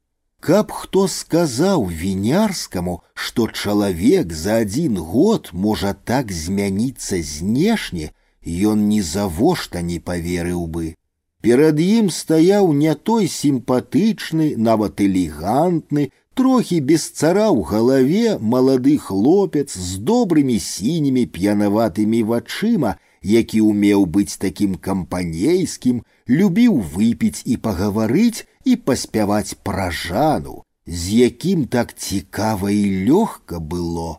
Цяпер гэта быў мужчына, Ён папаўнеў, акруглеў тварам, коротко падстрыгся, і брушка ўжо ледзь заўважна кругліла яго шыкоўны румынскі плашч. Нават рухі ў яго змяніліся, знікла ранейшая парывістасць, і калі ён вітаўся з вінярскім, дык далонь працягнуў марудна, бы рабіў абавязак. Вінярскі ўбачыў яго на пальцы шлюбны пярсцёнак, спытаў, з кім Васіль ажаніўся ці не з мілаю. Так, з ёю. Пастаялі, не ведалі, пра што гаварыць. Вінярскі прапанаваў пайсці ў мутнае вока, балазе недалёка, выпіць па сто грам. Васіль неяк спалохана адмахнуўся, сказаў, што даўно ўжо зусім не п'е. Лепш бы ты піў.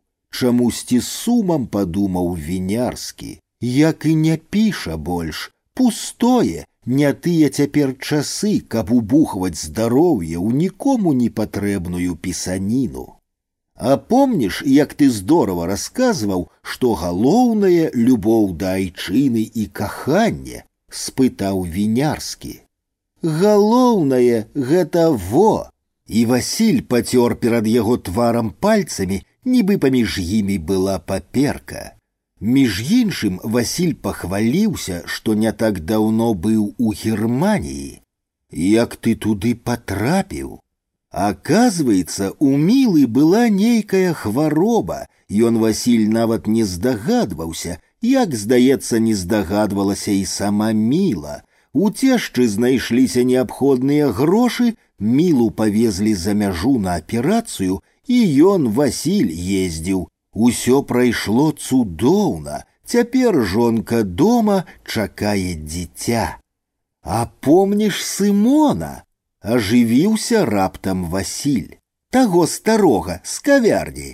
Ён дастаў з унутранай кішэні плашча газету, разгарнуў і паказаў вінярскаму сымонаў партрэт на першай старонцы.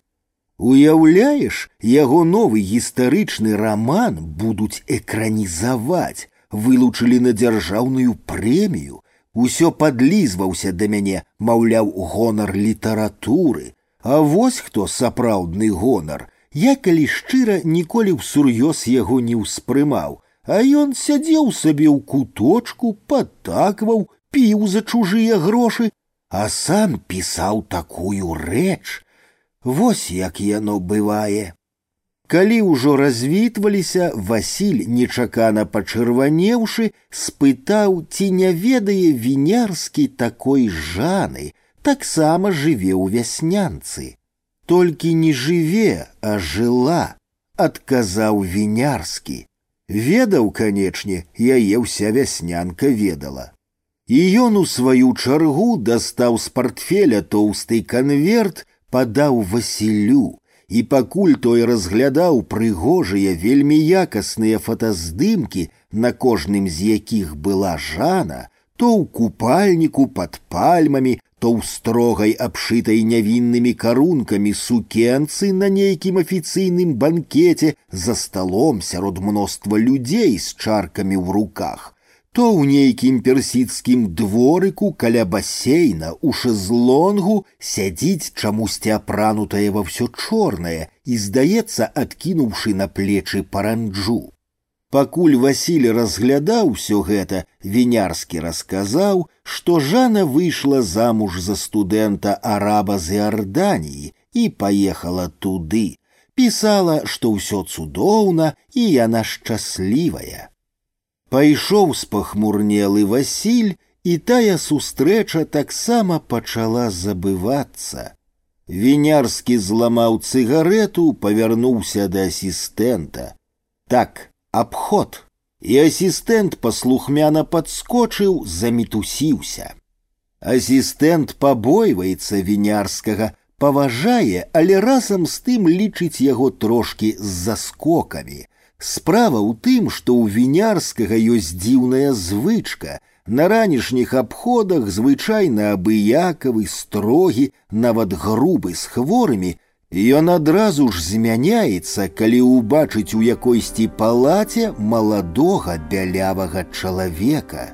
Тады ён робіцца ўвесь лагода, мяккасць, падсаджваецца да хворага на ложак, доўга гаворыць з ім, распытвае, і самае дзіўнае, чамусьці стараецца гаварыць па-беларуску. І асістэнт, і сястра, і сцяпанаў, калі бывае на абходзе сцяпанаў. І нават іншыя хворыя ў палаце за спінаю ў вінярскага пераглядваюцца, перасмейваюцца, але калі вінярскі ўстае, усе робяць выгляд, што нічога не заўважаюць.